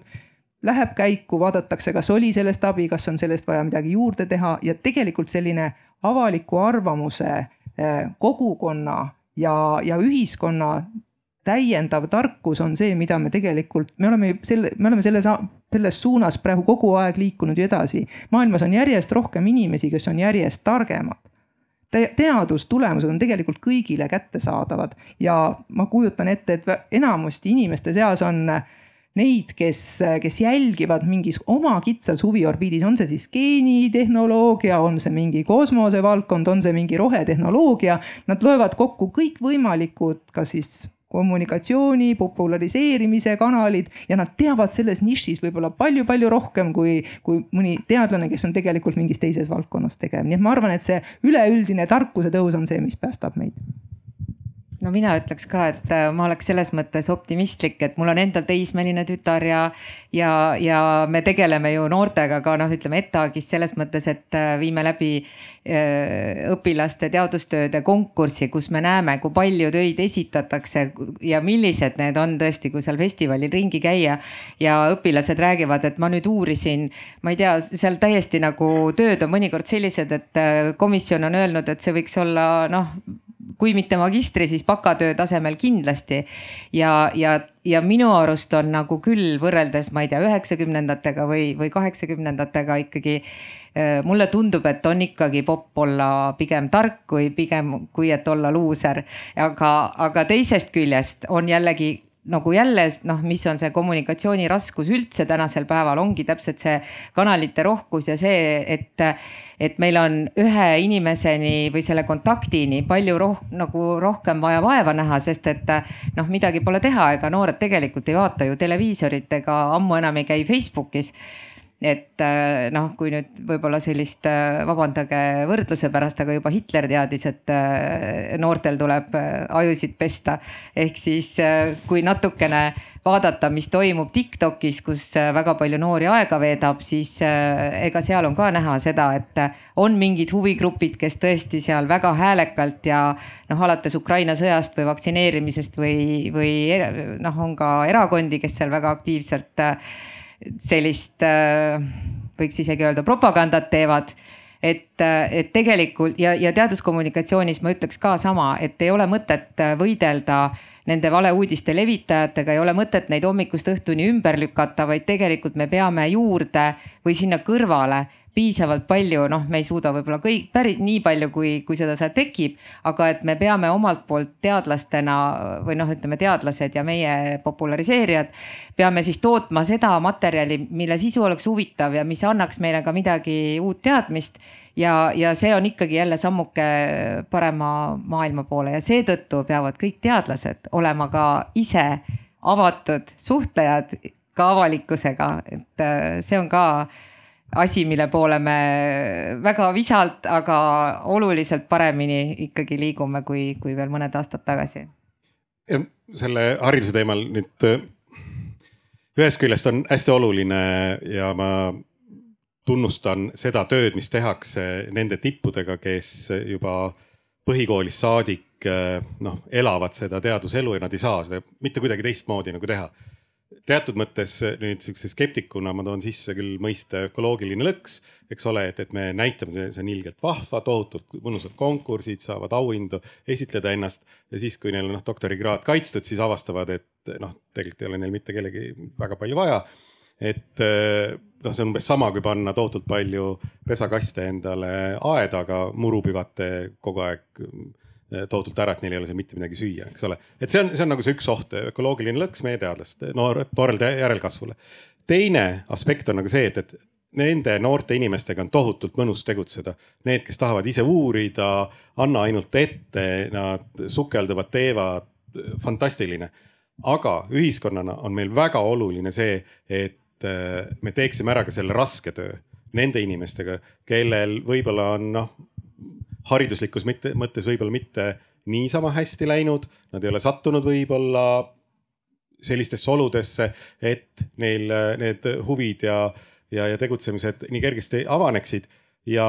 ja nüüd ma tulen nagu enda praeguse töö juurde, kus ma pean looma ühele riigikoolile eh, õppekava, tuginedes riiklikule õppekavale ja, ja, ja seal on minul küll nagu väga tõsiseid küsimusi, kas keegi on üldse vaadanud otsa, et, et milline on siis see suur pilt interdistsiplinaarne, nagu me, Anu ütles, et, et meie teadus, kõik on interdistsiplinaarne, kõik meie elu on välja, täis väljakutseid, mille lahendused on ainult interdistsiplinaarsed. meil ei ole praktiliselt ühtegi väljakutset elus, mis oleks lahendatav ainult ühe teadusdistsipliini eh, teadmiste abil, aga me õpetame õpilasi viisil, kus äh, noh, piltlikult öeldes me võtame kahekümne viiest erinevast puslekastist välja tükid, paneme need nende ette ja ütleme, et pane nüüd kokku suur pilt, ilma et me annaksime ühtegi aimdust, ideed selle kohta, et mis see pilt üldse olema peab ühesõnaga ma lähen põlema sellest, las ta olla. kas ma saan õigesti aru, et tegelikult me oleme oma haridusega jõudnud sinnamaani, et me oleme hästi palju rõhutanud individuaalsust ja kõike muud, aga me oleme läinud sellega liiale, ehk siis äh, inimesed, kes põrkavad kokku esimeste raskustega, nad jäävad mingitest eluaspektidest siis nii-öelda teadmiste mõttes pimedaks ja, ja siis hiljem on nendega ühiskonnas keeruline toimetada, et mina olen pime näiteks muusika koha pealt, mõni on pime füüsika koha pealt ja siis ongi meil kari selliseid eh, inimesi, kes, kes üksteisest enam lõpuks aru ei saa või? Facebook tuletas meelde. no see oli nüüd negatiivne vaade, positiivne vaade on see, et meil on igas alas jällegi oma tipud. ja, e, tippu, tipud on täpselt samamoodi vaja toetada, neid ei saa nagu kõrvale jätta, et, et see ongi see, et, et me ei, me ei saa öelda, et, et jätame selle tege-, tipud nüüd rahule, on ju, et, et, et nemad peavad olema toetatud. aga, aga see mõte on, on nagu, nagu selles, et meie riiklikus õppekavas need ainekavad on loodud nagu selle aine tippspetsialisti vaates et, et see on nüüd, nüüd see, kuhu unelm, kuhu see keemik peab välja jõudma, aga ta ei ole vaadatud sellega, et, et kas see keemia õppekava, kas ta kuidagi haakub no näiteks matemaatikaga. Tegelikult vastupidi võttes matemaatika gümnaasiumi tasemel on vei kaugele ees sellest, mis toimub meil füüsikas, mis toimub meil keemias, mis toimub meil bioloogias. ja see õpilane ei saa seda suurt pilti endale kokku panna, me saame ainult inimesed, kes vihkavad matemaatikat, nad ei taha sellest mitte midagi kuulda ja Krista Fischer võib Aktuaalses Kaameras rääkida korduvalt ja korduvalt eh, statistilistest näitajatest, aga ta lihtsalt ei saa sellest aru, sest et ta, ta lihtsalt ei saanud matemaatikatunnis aru, miks ta seda õppima peab. Aga võib-olla peabki seda arusaamist parandama, et noh, see ei ole muidugi lihtne, aga just see väljend, mida nagu tihtipeale võib-olla põhikoolis on kuulda laste suust, et aga milleks mulle seda matemaatikat vaja on, milleks mulle seda teoreemi vaja on. ma ei kasuta seda enam kunagi, tegelikult sa kasutad seda igal pool oma elus hiljem nagu kui sul on vaja, ma ei tea, põrandat mõõta või või ma ei tea, mis iganes äh, arvutada värvikogust, kui sa remonti yeah. hakkad tegema. rääkimata sellest, et matemaatika on kõige rohkem intelligentsust arendav õppeaine, mis on juba ka omaette boonus, on ju. ma lähen nüüd siin ise teisel pool põlema, ma peaks olema küll moderaatori rollis, kes küsib võimalikult lihtsaid ja siukse natuke rumalaid küsimusi, aga ma lähen nüüd ise põlema ja, ja, ja kohe lõikan siia vahele, et meil oli kunagi füüsikutega ka arutelu selle koha pealt, et miskipärast äh, inimesed, kes on selle füüsika õppimise enda jaoks või noh, mis iganes aine õppimise enda jaoks siis koolis ära vabandanud mingi sellise irratsionaalse põhjusega, et mul ei ole seda vaja, aga kui raske ta ikka olla saab. ehk siis natuke see anekdoot, et kas sa klaverit mängida oskad, et ei tea, ma pole kunagi proovinud. et äh, samasuguse suhtumisega minnakse ära bioloogiatunnist, keemiatunnist, füüsikatunnist ja noh lugesin uued uudised läbi ja mis Krista Fischer, noh kuule, ma siin hommikul kella kolmeks olin juba tema tasemel. et, äh, et, et et, et ka selles mõttes minu jaoks nagu see, et inimene õppides puutuks kokku selle keerukuse ja raskusega ja kui ta jõuab juba selle teadmiseni, et ma ei saanud tuhkagi aru. ka see on juba hea tulemus, sellepärast et ta teab, et ta ei saanud aru ja võib-olla on meeles, et tead klassiõde või klassivend tegi minu eest ja kui mul on küsimusi, siis ma saan talle helistada ja küsida, et kuidas asi on, sest tema sai aru. et noh, et selles mõttes selline nii-öelda minnalaskmine on tekitanud tagurpidise olukorra, et, et vabandad enda peas selle otse kui, kui lihtsaks. Ja tegelikult noh, kui me vaatame lasteaialapsi, siis noh, anna ainult ette. Mängivad, teevad tohutult õnnelikud ja tegelikult aju on meil üles ehitatud selliselt, et on õnnelikud ja saab õppida ja, ja siis me kaotame selle õnne ära selles kohas, kus need asjad lähevad äh, selliseks seostamatuks ja, ja mit, küsimus ei olegi selles, et, et kas äh, ta peab olema päris eluga kuidagi seotud, on ju. me peame haridussüsteemis, ma toon alati selle näite, et Elon Musk vajab ka ikka enda tiimi inimesi, et see on päris elu, mille jaoks me peame ka meie inimesi ette valmistama, eks ole. et, et mitte lihtsalt sellepärast, et nad oskavad köögis muna praadida, on ju et see olmetasandile ei jää me enda hariduse tasemega, aga kui meie õpetajad ise õppekavade koostajad ise ei oska öelda, kuidas matemaatika, need õpiväljundid seostuvad füüsika õpiväljunditega, mida õpilased õpivad samal ajal. kõige kurioossem on see, et, et meil on samal ajal gümnaasiumi tasemel, gümnaasiumis õpivad õpilased kunstiajalugu, muusikaajalugu, kirjandusajalugu, üldajalugu, mis kõik räägivad suhteliselt samadest asjadest, isegi samadest isikutest sageli. teadusajalugu sealjuures nad ei õpi aga nad nad ei õpi seda üheskoos, vaid väga erinevatel aastatel siis me eeldame, et nad nüüd mäletavad ja panevad need asjad kokku ja ah, seesama inimene, seesama ajastu, renessanss, et muusikas oli ka vist seesama, on ju. et noh, et, et äkki tekitaks niimoodi mõnusama õpikeskkonna, kus asjad on paremini seostatud, kus toimub sellise teaduspõhiselt, teadusliku meetodi eh, rakendamise läbi pidevalt eh, süsteemi üha keerukamalt ja keerukamalt uurides, et siis me ei peaks võib-olla nii palju teaduse populariseerimisele raha panema, vaid saaksime noh rohkem tippe saata kuhugi mujale õppima sealt äh, jõuabki jah, selle, see motivatsiooni mõte käis siit nagu väga palju läbi, et tegelikult ma ise mõtlen ka, kui vaadates ka lapsevanemana seda, et noh, võiks olla rohkem seda, et, et lapsel tõesti on koolis see õppimine ka äge, et see ei tähenda, et teeme kõik mänguks ja ärme enam õpi ega harjuta tööd tegema, vaid just, et ta teebki seda mitte sellepärast, et tahta saada viit või vältida kahe saamist, vaid, vaid et ta teeb seda sellepärast, et nii äge on, eks ju, nii tore on, et, et, et kui lasteaialastega on nagu äh, Äh, selge, et, et kolmeaastast midagi õppima panna, see tuleb tema jaoks mänguks ja toredaks teha, et, et tegelikult mõnes mõttes noh, tuleb seda isegi lausa tudengitegagi mõelda, et, et kuidas, kuidas ikkagi jõuaks see talle kohale, et tal tegelikult on seda vaja ja see on tegelikult nii põnev. sest teadlastena me ju teame, me teeme seda asja sellepärast, et meile meeldib ja see ongi äge, aga et kuidas, et, et koolis ei tohiks see kaotsi minna kuidagi vahepeal.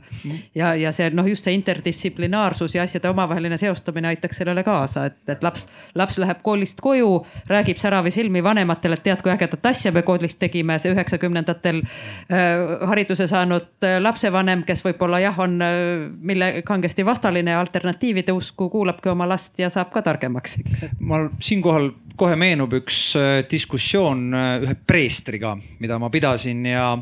ja, ja temaga diskuteerides me jõudsime sellise huvitava tulemuseni, et äkki on probleemiks see, miks meil täna sellist äh, nii-öelda ebausuteadust hästi palju Eestis on hoopis see, et meil on äh, puudus äh, koolides usuõpetus, oli siis tema ettepanek, et me segame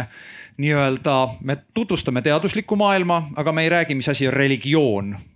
ja mis asi on üldse uskumus lastele. ja siis tulevad igasugused alternatiivsed kanalid, kes keeravad teadmise ja usu segamini. noh, ja sealt saamegi selle, et Eesti on kõige suurem nõiausku rahvas, kus on nii-öelda teadusliku retoorikaga tehakse mingit religioosi-laadset asja, avatakse tšakraid ja kõike, mida veel. et, et, et inimestel puudub tegelikult arusaam usust ja usureeglitest täielikult ja, ja teaduse osa on ka noh saadud nii, nagu on saadud, et, et, et kas, kas te siin kuidagi vaidlete vastu või pigem olete nõus või kuidas teil see tunnetus sellise, sellise käsitluse peale on? ma õudselt tahaks vastu kohe küsida, et kas see on nagu mingi fakt, et Eestis on seda ebateadust rohkem kui päris teadust, et kas see on mingi kuskilt pärit need andmed, et ma mõtlen, et ma vaatasin neid viimaseid rahvaloenduse andmeid, et minu meelest seal tegelikult ei küsitud üldse ebausu ega sellise asja kohta, et kust sa seda võtad, et tegelikult Eestis on. ajakirjanduslikest palju... pealkirjadest, täna ma küsin ajakirjaniku koha pealt, ehk siis, et ajakirjanduses nähtud pealkirjad on ja. minu allikas, mina, mina täna õnneks ei istu teadlase tooli peal. ma võin endale täna igast väiteid lubada ja, ja tore, et sa sellele vastu vaidled. jah, et ma, ma noh, ma tõesti tegelikult äh, mind isegi tõesti huvitaks, et kas see põhineb mingisugusel äh, faktil või see on lihtsalt mingi luul, et. et ega tegelikult iga inimene, kes loeb kuskilt ajalehest horoskoopi ja ütleb, et mina olen Neitsi tähtkujust, et et mis siis nagu, et mul tuleb täna tore päev, et noh, et see ei tähenda seda, et ma olen mingi, ma ei tea, mis mõttes see oli see pseudoteadlane või ebausklik või siis need kõik need ülejäänud asjad. et või et kui mul sõbranna tõmbab tarokaardi pakist päikelise kaardi, ütleb, et oo jee, sul tuleb tänavu tore aasta, et noh, see ei tähenda, et ma oleks tegelikult nagu, nagu kuidagi nagu halvem kui, kui see, et ma olen veel teadlane et äh, ma tegelikult, kui sedasama rahvaloendust nüüd vaadata, et see seis, mis meil praegu on, on hoopiski selline, et. et kui me mõtleme, et nende inimeste peale, kes, keda, kes meil on koolis ja kes meil siis tegelikult siin kümne, kahekümne aasta pärast valivad oma elutee, mis põhineb, kas see põhineb siis teadmistel, teadmis või teadusmahukatel äh, tehnoloogiatel ja teadusmahukatel tarkadel otsustel, mida meie riik teeb, siis tegelikult see vanuseklass, mis meil on praegu kakskümmend kuni kolmkümmend aastat, neid inimesi on kolmandiku võrra vähem kui neid, kes on praegu kolmkümmend kuni nelikümmend ja, ja tegelikult see trend, trend nooremate seas jätkub, et seal tuleb paar aastat, kus on mõned, mõned tõesti sündimus on suurem. aga see, mis me täna nagu teadusagentuurina, mida ma näen, mida ma näen teadlaste poolelt ja kui see, kui meil noored teadlased nagu on väga mures, et kuidas nende juurdepääs rahale on, siis mul ainuke asi, mis mul võib-olla positiivne sõnum neile öelda on, et ärge muretsege, et viie aasta pärast noore, olete teie potsanud sinna vanemasse kategooriasse, noori peale ei tule. et tegelikult siis on teil palju rohkem juurdepääsu rahale. päriselt, meil ei ole enam sellist hulka noori inimesi, kes valiksid üldse oma elutee või õpiksid koolis neid kõiki neid keerulisi aineid. ja see tähendab tegelikult seda, nii nagu Mihkel ütles, et asi ei ole ainult selles, et kas me keskendume noortele ja andekatele või, või et tegelikult on meil päriselt vaja igas inimeses tema olemasolev ressurss või tema, tema soov ühiskonda panustada või olla hea inimene. see on meil vaja iga inimese juures, oled sa siis noor või vana, tegelikult on see vaja kasutusele võtta, et ka need inimesed, kes praegu on võib-olla oma karjääri tipus, et tegelikult nad oleksid jätkuvalt meil valmis ühiskonnas panustama. ma väga tahaks loota, et, et siin paarikümne aastaga tehnoloogia areng on ikkagi selline, et füüsiline koormus väheneb, aga see tähendab seda, et iga inimene, oled sa siis noorem või oled sa vanem või oled sa võib-olla füüsilise puudega, et sa tegelikult saad ikkagi anda selle panuse, mida sa tahaksid või mida sa suudaksid. Ja, ja ma arvan, et see on hästi oluline läbimurre, et võib-olla see, mis me pära, täna mõtleme elukestva mõtte, elukestva õppe mõttena, et see on rohkem orienteeritud sellisele eakamale generatsioonile. aga ma arvan, et see tähendab laias laastus seda, et see elukestev õpe on see, et, et tegelikult see laps, kes, kes sünnib, et, et tegelikult me juba sellel hetkel käsitleme teda kui ühiskonnaliiget, et ühel päeval tal on vabadused ja tal on vastutused, see käib kogu aeg kaasas sinuga, et see vastutus ei teki sul sellel hetkel, kui sa astud ülikooli või saad kaheksateist või võid neljateistaastaselt tööjõuturule minna ja paar tundi tööd teha. see tegelikult käib kaasas sinuga igal hetkel ja ma arvan, et selline vabaduse ja vastutuse sõnum on üks asi, mida me saame juba noortele kasvatada ja ma selles osas usun, et vanem generatsioon on siin väga hea eeskuju, et just meie võib-olla äh, vanaemad on need, kes on tegelikult kandnud väga rasket vastutuse koormat läbi keeruliste aegade. Eesti on maailma kõige targem rahvas. kui sa küsid jälle, kus ma seda tean, siis Haridus-Teadusministeeriumi pressiteate pealkirjast äh, kuidas on täna noorte haridusstatistikud äh, liikunud, on nad meil haritumad kui kunagi varem, rohkem, vähem, eestlased, välismaalased, kuidas meil sellega on, kas keegi teab arvandmeid?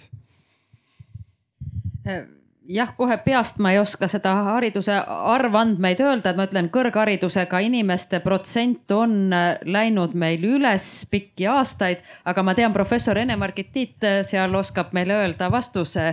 et tõstis käe, et võib-olla visata. oih, oih. oota, selle pead vist sinna külge panema. loodetavasti on kuulda. oot, oot, oot, oot. Nii. tähendab, Eesti haridusega on niisugune suur mure, et haridus on väga oluliselt sooliselt diferentseeritud. kui me võtame kolmekümne kuni kuuekümne aastaseid inimesi, siis tuleb välja, et nende seas on kakssada viiskümmend tuhat naist ja sada viiskümmend tuhat meest. ühesõnaga igas vanuserühmas, siis selles tööealiste hulgas on siis naisi kõrgharidusega üle poole, viiskümmend kaks, viiskümmend neli protsenti ja mehi üksjagu allapoole, nelikümmend kaks kuni nelikümmend neli protsenti. See on minu meelest kõige ilmekam näitaja, mis tänapäeva Eesti, eestlaste haridust iseloomustab. poisid langevad koolist välja juba hakkab peale põhikooli, ei lõpeta, edasi gümnaasiumi asemel lähevad kutsekooli, mis on kindlasti hea valik, aga kahjuks umbtee sageli. Ja niiviisi on. Ja millegipärast siis need kõrgharidusega naised on siis need, kes ei ole mitte tipus, vaid töötavad nende keskeltläbi madalama haridusega meeste käe all ja saavad väiksemat palka ja, ja kui siit edasi jätkata, et, et mida see haridus mõjutab, et see jõuab ju tegelikult meil siin elueani välja. Et äh, just vaatasin ka näiteks geenivaramu suures andmebaasis, et on näha, et, et kui me jah, räägime, et naiste oodatav eluiga on siin äh, umbes kaheksakümmend kolm aastat, meestel seitsekümmend neli aastat, aga kui me siis hakkame hariduse kaupa lahku lööma, siis vaatame, et põhihariduse või põhiharidusega naise oodatav eluiga on üsna sama, mis kõrgharidusega mehel ja veel enam, et kui on kõrgharidusega mees, kes on veel ka mitte suitsetaja, siis tema oodatav eluiga on tegelikult sinna kaheksakümne viie aasta ligi, et on tegelikult päris hea, et seda nii suurt lõhet ei olegi, et, et siin on nagu neid muresid on palju ja tegelikult seda, et, et vähemalt keskharidus võiks küll olla ikkagi igalühel tänapäeval, et, et see on äärmiselt oluline ja ja noh, just, et, et on palju teha selle hariduse sisu osas, aga ja tulebki mõelda, et kuidas teha nii, et, et ei langetaks välja ja just need poisid ei langeks välja. No aga geenivaramu andmetest ma mäletan, et äh, tegelikult ongi nii, et, äh, et targemad inimesed või noh, nii-öelda haritumad inimesed teevad elus targemaid otsuseid ja seetõttu elavad tervislikumalt, elavad kauem tervena ja eluiga on pikem, ehk siis, et äh, kõik see, mis me tahame, meie ühised jõupingutused selle nimel, et meil oleks nagu targemad lapsed, targem ühiskond, vähem libateaduste levikut. Saan... see kõik on ainult selle eesmärgi. ma saan aru, et me oleme teadust kogu aeg valede sõnadega populariseerinud, et tule, saad edukaks, kõik teadus on lahe, tegelikult peaksime rääkima seda, et tahad kaua elada, tule teadusesse.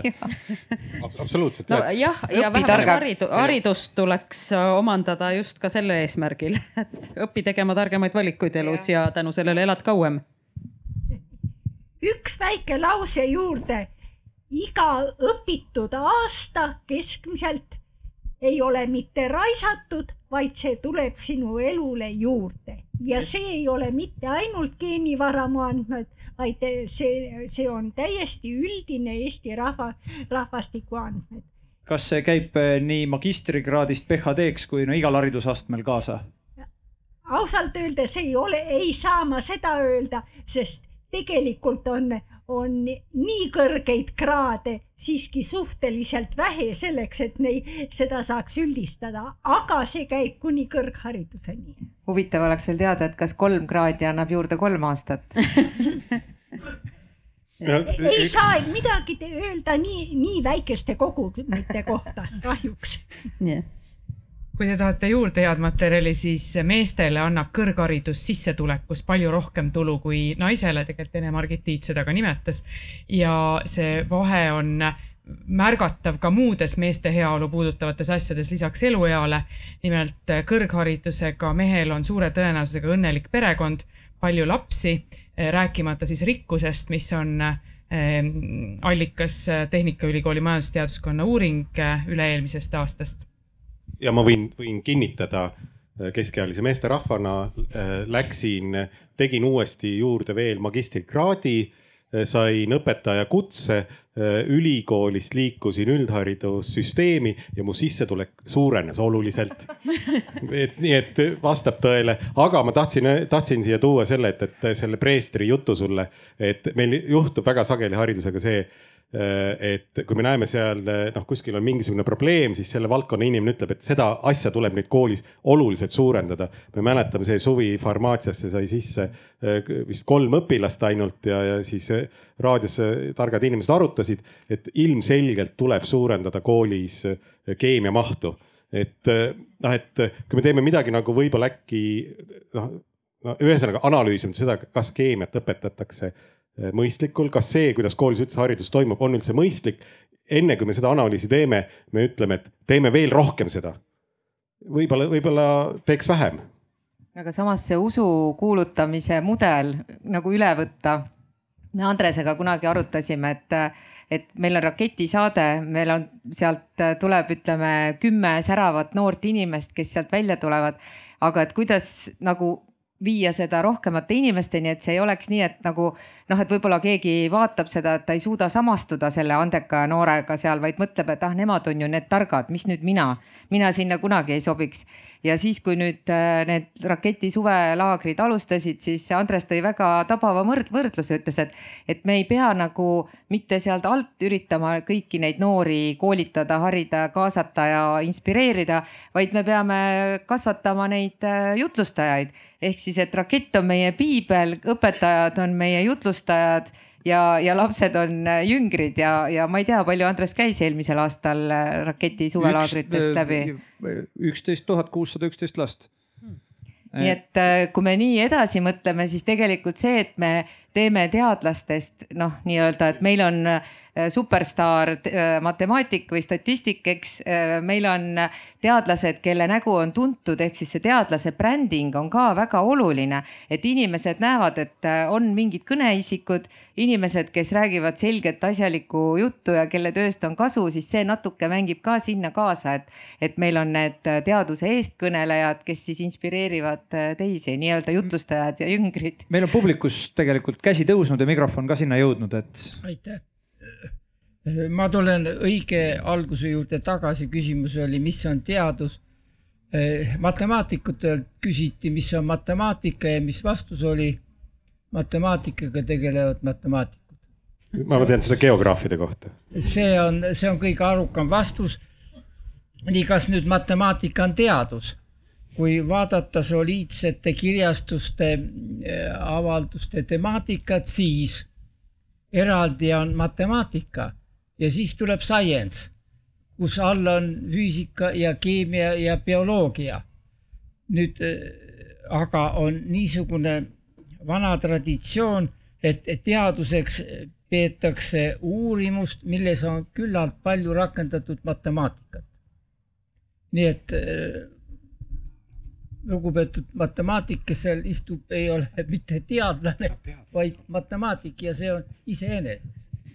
tegelikult nähtus. ma ei ole isegi mitte matemaatik, vaid biostatistik, ma nagu päris matemaatikute seas ei julge isegi öelda, et ma olen matemaatika, kuigi noh, matemaatikaharidus mul on algselt, aga nii, et ma olen Aitäh. interdistsiplinaarne teadlane, ma ikka julgen ennast teadlaseks nimetada küll. ma, ma tahaks tegelikult, kuna ma õpetan noh ka niimoodi noori teaduse poole minema, üks meetod on see, et küsi targemalt inimeselt on ju, kui, et, et nad peavad küsima spetsialistilt ja meil tegelikult on ju Juhan Kivirähk siin. sina oskad ju kindlasti öelda, meil on kindlasti uuringuid, mis ütleks, näiteks, kui palju Eesti elanikud usaldavad teadust, kui suu- te,, kui teadususku äh, eestlased on, ehk et see väide, kui palju meil on sihukest libateadususku ja kui palju on äh, selliseid noh, ametlikku teadususku, kas mingite institutsioonide usaldusväärsuse uuringutes ei ole seda uuritud siis? Ja institutsioonide usaldusväärsust äh, ma olen tõesti teinud aastaid, aga, aga sellist institutsiooni nagu teadus äh, seal ei ole, et on, on, äh, aga ma tean, et on kunagi kadunud Andrus Saar tegi ikka kirikute nõukogu tellimusel neid uuringuid, et, et mida, mida te usute, eks ole. elu, elu pärast surma ja, ja nii edasi, nii edasi, et, et, et sealt tuli nagu küll välja see noh, nii-öelda horoskoopide ja, ja, ja, ja nõidade, nõidade usk, aga, aga noh, mitte, mitte nüüd domineerivalt kindlasti. aga jah, jällegi võrdlus teadusega sealt nagu, nagu, nagu välja ei tulnud. kahjuks, aga, aga ma usun, et kellelgi kindlasti taolisi uuringuid on, aga mina no Eesti Teadusagentuur tegelikult on viinud läbi teadusbaromeetri, mis on sarnaselt siis teiste Euroopa riikidega. On küsitlus tehtud siis, äh, kui paljud inimesed usaldavad teadust ja teadlaste arvamust. Ja see oli tegelikult äh, üllatavalt kõrge isegi, et ma võin eksida, kas see oli kaheksakümmend või kaheksakümmend viis protsenti, aga noh. vaatasin järgi, see on seitsekümmend kaheksa protsenti, mis on peaaegu kaheksakümmend, nii et äh, tegelikult äh, tõepoolest me Teadusagentuuris teeme sellist teadusbaromeetrit, see on aastast kaks tuhat kakskümmend see number ja seitsekümmend kaheksa protsenti Eesti inimestest usaldavad teadust ja teadlasi. ja siis ma tegelikult tahaksin ka veel kõigile öelda, et minge vaadake Statistikaameti lehelt on viimase rahvaroenduse aasta kaks tuhat kakskümmend üks, just nimelt see haridusosa, see aruanne on seal väljas ja minu meelest kõlab see Eesti jaoks tegelikult tegelikult hästi-hästi positiivselt. Ja ma väga tahaksin loota, et see, mida Ene-Margit Tiit ütles, et, et keegi, keegi rumalatest otsustajatest ei jõua selle järelduseni, et järelikult ei tohiks naisi kõrghariduse juurde anda, sest et siis järgmisel rahvaloendusel saame parema proportsiooni, et meeste osakaal kõrghariduses on proportsionaalselt suurem kui naiste oma, et, et tegelikult on see, ma arvan, hästi oluline, et, et et meil tegelikult kõikide inimeste kõrghariduse tase võiks kasvada ja see viimase rahvaloenduse andmetel tegelikult ongi kasvanud, nii et. Need andmed on täitsa olemas teaduslikult. et, et noh, kui me nüüd mõtleme nagu sellele, kuidas on äh, kajastust leidnud näiteks Covidi ajal äh, toimunud sündmused, siis millegipärast pälvis tohutult suurt tähelepanu Vana-Kalamaja tänaval ühe kohviku ümber toimuv mingi asiotaaž selle asemel, et, et keskenduda sellele, et, et see on, see on üks väike vähemus, jah, nad vajavad ka tähelepanu, nad vajavad küsimust, et mis on nende hirmud, noh, et, et milles asi on, et, et, et, et miks, miks te niimoodi käitute, selle asemel, et nagu stigmatiseerida, et, et te olete nüüd noh, seal, seal kuskil ullikeste seas, aga, aga seda välja tuua kui edukalt me tegelikult ju toimetasime, kui hästi me saime hakkama sellega, et, et see ei paistnud ju, ju, ju kuskilt välja, et me, me tulime toime, no pole veel lõpuni jõudnud selle, aga me tuleme toime, meil oli väga suur hulk inimesi läks ju. minge veel vaktsineerima, vaktsineerimisbuss on siinsamas on ju, et me saame hakkama sellega et seda usku anda inimestele, et, et tuginedes teadusele, me, me tuleme toime tegelikult sellega. no jällegi me jõuame sinna, et inimesed kardavad asju, millest nad aru ei saa ja, ja kui on sellised suured väljakutsed, siis mida rohkem me sellest räägime, mida rohkem me selgitame, seda parem. ja, aga mitte, mitte neid nüüd otseselt häbistades no meie aeg hakkab vaikselt otsa saama, ma küsiks teie kõigi käest sihukese, paluks teil nüüd kehastuda kergelt selgeltnägijaks, nagu meie see pealkiri siin ette näeb. ja tuua välja siis võib-olla üks selline, ma ei oskagi öelda siis alamprobleem, me oleme nüüd küll siin nüüd lahanud pikalt, aga et üks, üks suurim väljakutse, mis meid ootab sellise nii-öelda targa rahvaks, targaks rahvaks olemisel ees. ja võib-olla ka üks konkreetne lahendus või nõuanne siis haridusministri või Haridus-Teadusministeeriumi suunal, et. et mida siis muuta või siis mille tegemist kindlasti mitte ära lõpetada, et ehk siis võib-olla üks probleem lauale ja üks, üks lahendus ka, et, et kuidas me saame selleks maailma kõige targemaks rahvaks, kes siis tegeleb teadusega, elab kaua, on terve ja loodetavasti teenib, teenib lõpuks ka nii meeste kui naiste segmendis head palka. Ma võin alustada, noh, minu jaoks nagu üks väga fundamentaalne hirm või, või, või sihuke probleem, mida mina ees nagu näen, on see, et, et, et meie teadus põhineb väga paljuski sellel, et, et meie ühiskonnal on vaba ressurssi, et, et teadusega tegeleda. nüüd keskkonnamuutuste kontekstis noh, tuginedes sihukeste noh, noh, kuidas seda nüüd öelda, teaduslikele vaadetele, prognoosidele selle kohta, mis tulemas on teadlaste hinnangul seda ressurssi jääb meil üha vähemaks, vähemaks selleks, et tagada inimeste äh, nii-öelda elementaarsete vajaduste, põhivajaduste rahuldamine, kulub meil palju suurem osa meie ühiskonna ressurssidest ära. ehk et selle teaduse tegemisele, uute teadmiste loomisele jääb meil palju-palju äh, vähem äh, võimalusi ja me peame sellega kuidagi toime tulema. me näeme seda juba järgmisel talvel, kuidas üritatakse raha kummalise ümbersuunamisega reguleerida, aga inimeste jaoks muutub enda äh, elus olemise tagamine tunduvalt suuremaks probleemiks, kui see on nagu praegust ja see tõmbab tähelepanu sellise noh, päris lahendustelt ka eemale mida selles situatsioonis teha, ega seal väga palju ei ole, aga kui midagi öelda haridusministrile, haridus-teadusministrile, siis ma tsiteeriksin siin Greta Thunbergi ja ütleks, et kuula teadlasi. Ja õnneks on kantsler sattunud praegusel hetkel väga-väga hea ja seal on terve hulk hariduspsühholooge ka ringi sebamas ehk et sellise teadust, teaduslikku meetodit valdava rahva äh, välja arenemine või, või selle välja, välja tulemine võiks olla küllalt tõenäoline, kui me kuulaksime rohkem teadlasi. ma võib-olla võtan siit üle, sellepärast et see oli täpselt see, mille peale ma mõtlesin. Et kui me näiteks äh, Science Europe'i töögrupis, kuhu kuulub siis rohkem kui kolmkümmend Euroopa riiki, kus on siis teaduskommunikatsioon on eriti er, eraldi valdkonnana äh, ka teemaks, et siis tegelikult praegu aina rohkem räägitakse sellest, et nagu üks asi on see, et teaduskommunikatsioon avalikkusele, see on, ma võiks öelda, et meil on Eestis seda, tegelikult on see päris hästi, teadlased räägivad, meil on teadusportaal äh, Novaator ERR-i juures, meil on väga palju kanaleid, Eesti Noorte Teaduste Akadeemia, kõik ülikoolid, et tegelikult tehakse palju ja tehakse hästi aga, aga kõige suurem võtmeküsimus hetkel on see, et kuidas viia teaduslikku otsu, nii-öelda teadlaste sõnumit või neid teaduste otsuseid otsustajate ja päriselt poliitika kujundajateni. ehk siis äh, kui Covidi ajast midagi head välja tuli, siis oli see, et teadlased võeti valitsusele nõu andma. seda ei ole ju varem olnud sellisel kujul. ehk siis äh, soovitus mitte ainult haridusministrile, vaid kogu meie valitsusele oleks tegelikult see, kaasake nõunikena endale päris teadlased, kes jagavad seda valdkonda, kes saavad aru. ja, ja, ja noh, eks me siis kõik ülejäänud haridussüsteemis, meie siin populariseerijate või, või teaduskommunikatsioonina teeme ka seda, et meil oleks see teaduslik mõtteviis ikkagi valdav mitte see teadususk, nagu me siin alguses arutasime ka, et me ei, me ei taha, et inimesed oleksid pimesi teadususku, vaid et nad saaksid aru, kuidas maailm toimib ja, ja mis selle taga on. ja lõppkokkuvõttes jah, nagu ma siin vahepeal juba ka ütlesin, et äh, targem ühiskond või targemad inimesed, parem ühiskond, tervem äh, ja kõigil parem elu, see võiks olla ikkagi see, kuhu me tahame jõuda või kuhu me liigume. no jah, haridus- ja teadusministril on äh, palju erinevaid teemasid ja ma ikka selle, see hästi kulunud ja, ja võib-olla juba igavaks läinud loosung, et on vaja kõrghariduse ja teaduse rahastamise peale mõelda, aga ma siiski sellest ka räägiks just selle õppejõu positsioonilt, et me väga tahaksime, et me saaksime anda kvaliteetset kõrgharidust tudengitele ja samas mul on tänapäeva tudengitest kahju, kes väga paljudel juhtudel on sunnitud kombineerima täiskohaga päevaõpet ja täiskohaga töötamist, sest lihtsalt väga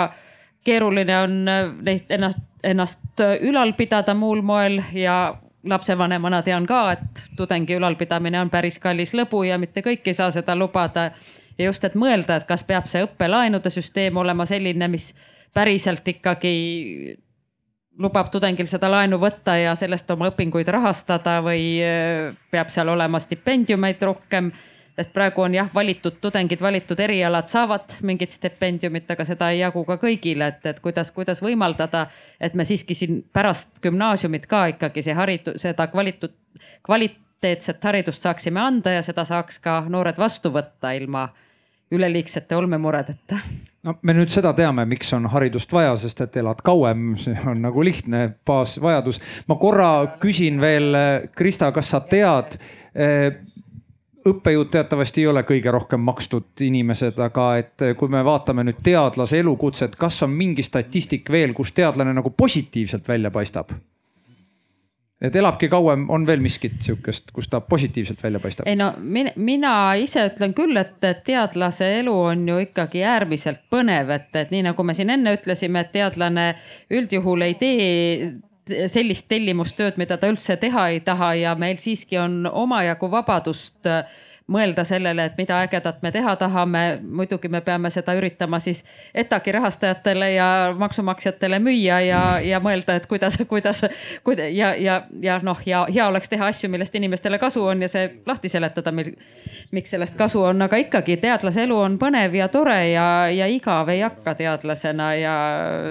sellist jah, ma arvan, et see on ka üks põhjus, et miks või miks võiks olla nagu teadlane hea olla, et mitte sellepärast, et saada hirmus rikkaks, ma arvan, selleks on teisi võimalusi, nii, Anu, aga sinu ettenägemisvõime näeb meil ette kõige suurema väljakutsena ja hea lahendusena seda, et jah, see on nii äh, keeruline küsimus tegelikult ja võib-olla mõnes mõttes on hästi raske midagi lisada sellele, mida siin eelkõnelejad on välja toonud. ja ka seda, mida ma ise enne olen öelnud, et, et mulle tõesti tundub, et see kõige suurem väljakutse on tegelikult rohkem tarku inimesi Eestisse nii need, kes teevad tarku otsuseid, kui ka need, kes pakuvad tarku lahendusi. aga selle kõrval, ma arvan, hästi oluline on usalduse kasvatamine, et, et meie tegelikult enne kui me hakkame kedagi hukka mõistma või kui me püüame kuskilt klikiga saada negatiivset tähelepanu, et, et tegelikult tarkade inimestena usuksime, et teine pool tahtis head kukkus lihtsalt välja halvasti, et, et me otsiksime tegelikult äh, seda, seda positiivset äh, igas otsuses, igas inimeses ja, ja usuksime tegelikult sellesse, et, et meie tulevik sõltub sellest, kui hästi me üksteisega koostööd teeme. Ja tõepoolest, kui, kui ma nüüd praegu mõtlen, mida ma siis ministrile ütlen, esmaspäeval meil ongi tore kokkusaamine kindlasti temaga. ja ma tean, et minister on tegelikult haridusküsimuste üle praegu väga mures, aga, aga tõepoolest äh, võib-olla mitte lihtsalt, et kuula teadlast, vaid et kuula seda oma valdkonna spetsialisti, eksperti, et tema on kõige targem. ja, ja teadusküsimustes kindlasti need otsused on teaduspõhised, hariduses õpetajad kindlasti, kui on meditsiiniküsimused, siis, siis tegelikult nendele inimestele, kes selles valdkonnas on kõige pädevamad ja, ja ma arvan, et see on, see on meile kõigile vajalik sõnum, et, et küsi selle käest, kes, kes päriselt teab ja, ja mõtle oma peaga ja, ja tee seda mis võimalik, et sa oleksid ise kõige targem viimane loosung muidugi on kõlanud nii meie kui alternatiivsetes portaalides. aga sellega nüüd see esimese paneeli osa on läbi, ma usun, et meil kellelgi ei ole siit nüüd sekundi pealt tõusmisega kiire, nii et kui on küsimusi, siis see on nüüd hea koht küsida või kommenteerida. aga aitäh meie panelistidele. ja juba on küsimusi.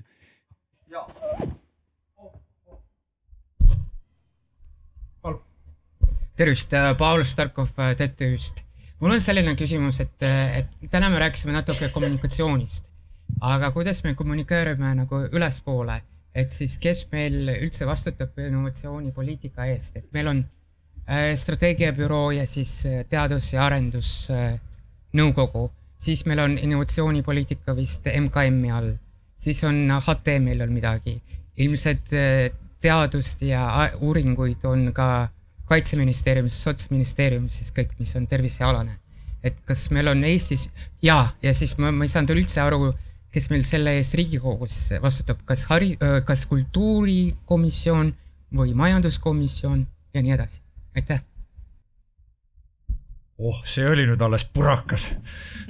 ma arvan, et üks äh, selline hästi konkreetne vastus on see, et äh, tegelikult äh, riigis me nagu ei aja asju nii, kuidas kellelegi parajasti pähe kargab, et ei, ei minister ega Riigikogu liige tegelikult ei, ei mõtle asju käigu pealt ju välja. ja selleks on praegu meil eelmisel aastal vastu võetud teaduse, arenduse, innovatsiooni, ettevõtluse strateegia ja selle strateegiat viivad ellu minu meelest täitsa esmakordselt Eesti ajaloos või ka paljude riikide puhul kaks ministeeriumit võrdse vastutusega. Ja seal on rollid omavahel ära vastud, jagatud, aga, aga see tähendab ja selles selline juhtroll innovatsiooni ja ettevõtluse suunal on tõepoolest majandus- ja kommunikatsiooniministeeriumil, järelikult ka majandus- ja kommunikatsiooniminister on, on see, kes tegelikult selle, selle valdkonna eestvedaja on. aga see teine pool ja kui seda strateegiat vaadata, siis, siis tõepoolest selles strateegias nagu selle põhieesmärk, mis Eestis siis väljakutsena aastani kaks tuhat kolmkümmend viis on, on tegelikult see, et seda, seda viiakse ellu koostöös ja, ja koostöö kaudu nüüd luuakse tegelikult see Eesti riigi heaolu või see vastav toimetulek globaalsete väljakutsetega nii Eestis sees kui ka rahvusvahelisel tasemel. et tegelikult see võtmesõda seal jätkusuutlikkuse juures ongi koostöö ja ma arvan, et kõik see, mida, mida te üles loetlesite, kui palju on neid institutsioone, kes Eestis tegelikult lisaks innovatsioonile väga paljud tegelevad ka tõesti hariduse või kultuuri või, või, või ma ei tea, tervisega, et tegelikult tegelikult neid, neid on, neid on mitmeid ja see tähendab seda, et me peame kõik palju rohkem õppima koostööd tegema ehk siis käsuliinid ja kommunikatsioonikanalid ehk kui keegi märkab või tahab sõna sekka öelda, et siis tal oleks teadmine, kuhu öelda ja et see sõnum ka jõuaks kuskile. ma saan aru, et see on töös, seda ei ole veel olemas päris valmis igal pool. aga öelge, öelge ruttu, praegu on, kõik kuulevad, kõik näevad, kõik saavad öelda, et öelge iga kord, kui vaja on ja, ja hääletage, kui vaja on, kas kätega või jalgadega või peaga, et kõik need võimalused on tegelikult meil avatud. kas on veel küsimusi, kommentaare? nii, siin ees aitäh, ma ei küsi praegu, aga ma mõned asjad vastan ära, mis siin paneelis jäid, et küsimus oli sellest, et kustkohast tuleb see, et eestlased on kole ebausklikud see on kahe tuhande viienda aasta Eurobaromeetri uuring ja sellest Eurobaromeetri uuringust äh, selgus et, et kuusteist protsenti olid neid inimesi, kes sidusid ennast mõne konfessiooniga ja viiskümmend protsenti olid neid inimesi, kes ütlesid, et nad konfessiooniusku ei ole, aga usuvad mingeid muid kõrgemaid jõudusid. ja kuna see osutus toona maailmas kõige esimeseks, sellele pööras tähelepanu nii rahvusvaheline press kui ka järgnevalt on sellele tähelepanu äh, pööranud siis Eestis olevad konfessioonid, et noh, eestlased ikkagi on usklikud, noh, nad lihtsalt praegu ei ole meie selles asjas, aga nad üldiselt on väga usklikud, siis see on sealt edasi nagu levinud, et see oli vastus sellele küsimusele, et kust see informatsioon tuleb. kangurile lohutuseks, et see ei olnud kõige lollim uuring tõenäoliselt selles kosmeetikatoodetes. ma ise seda tõesti ei tellinud, ma midagi sellest täpsemalt ei tea, aga ma oletan, et see on seotud sellega, et Euroopa Liidus on olemas eh, register kemikaalidele, mida kasutatakse kosmeetikatoodetes ja igaühe juurde on seal ette nähtud, et registrisse juba tuleb kanda see ringmajanduse viis, kuidas seda kasutatakse, et Eesti tõenäoliselt tellis selle uuringu sinu käest selleks, et täita seda Euroopa Liidu registrit. mitte, et tal midagi targemat tellida ei olnud, et see on niisugune nagu. ma kahtlustan ka, aga IT-sektor ja IT-s vaata kahjuks ei ole sihukest registrit, et noh, et siis tuleks alustada ilmselt, et, et Euroopa Liit teeks mingite IT-väljundite registri, kus on see ringmajandus nõutud, küll siis tuleb ka Eesti Vabariigist uuring, et, et see on ka selline umbe nagu. Ja, ja samamoodi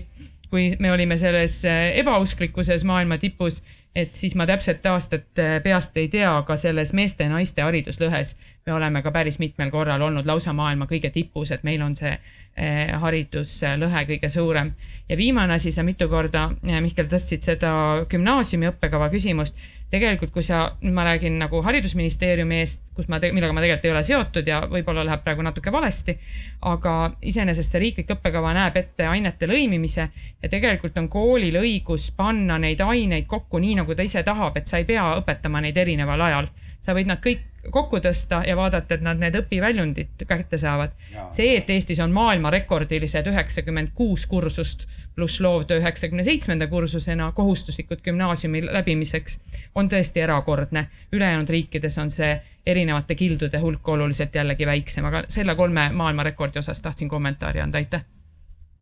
aitäh, tuleb välja, et ajakirjanikud päris jama ei ajanudki.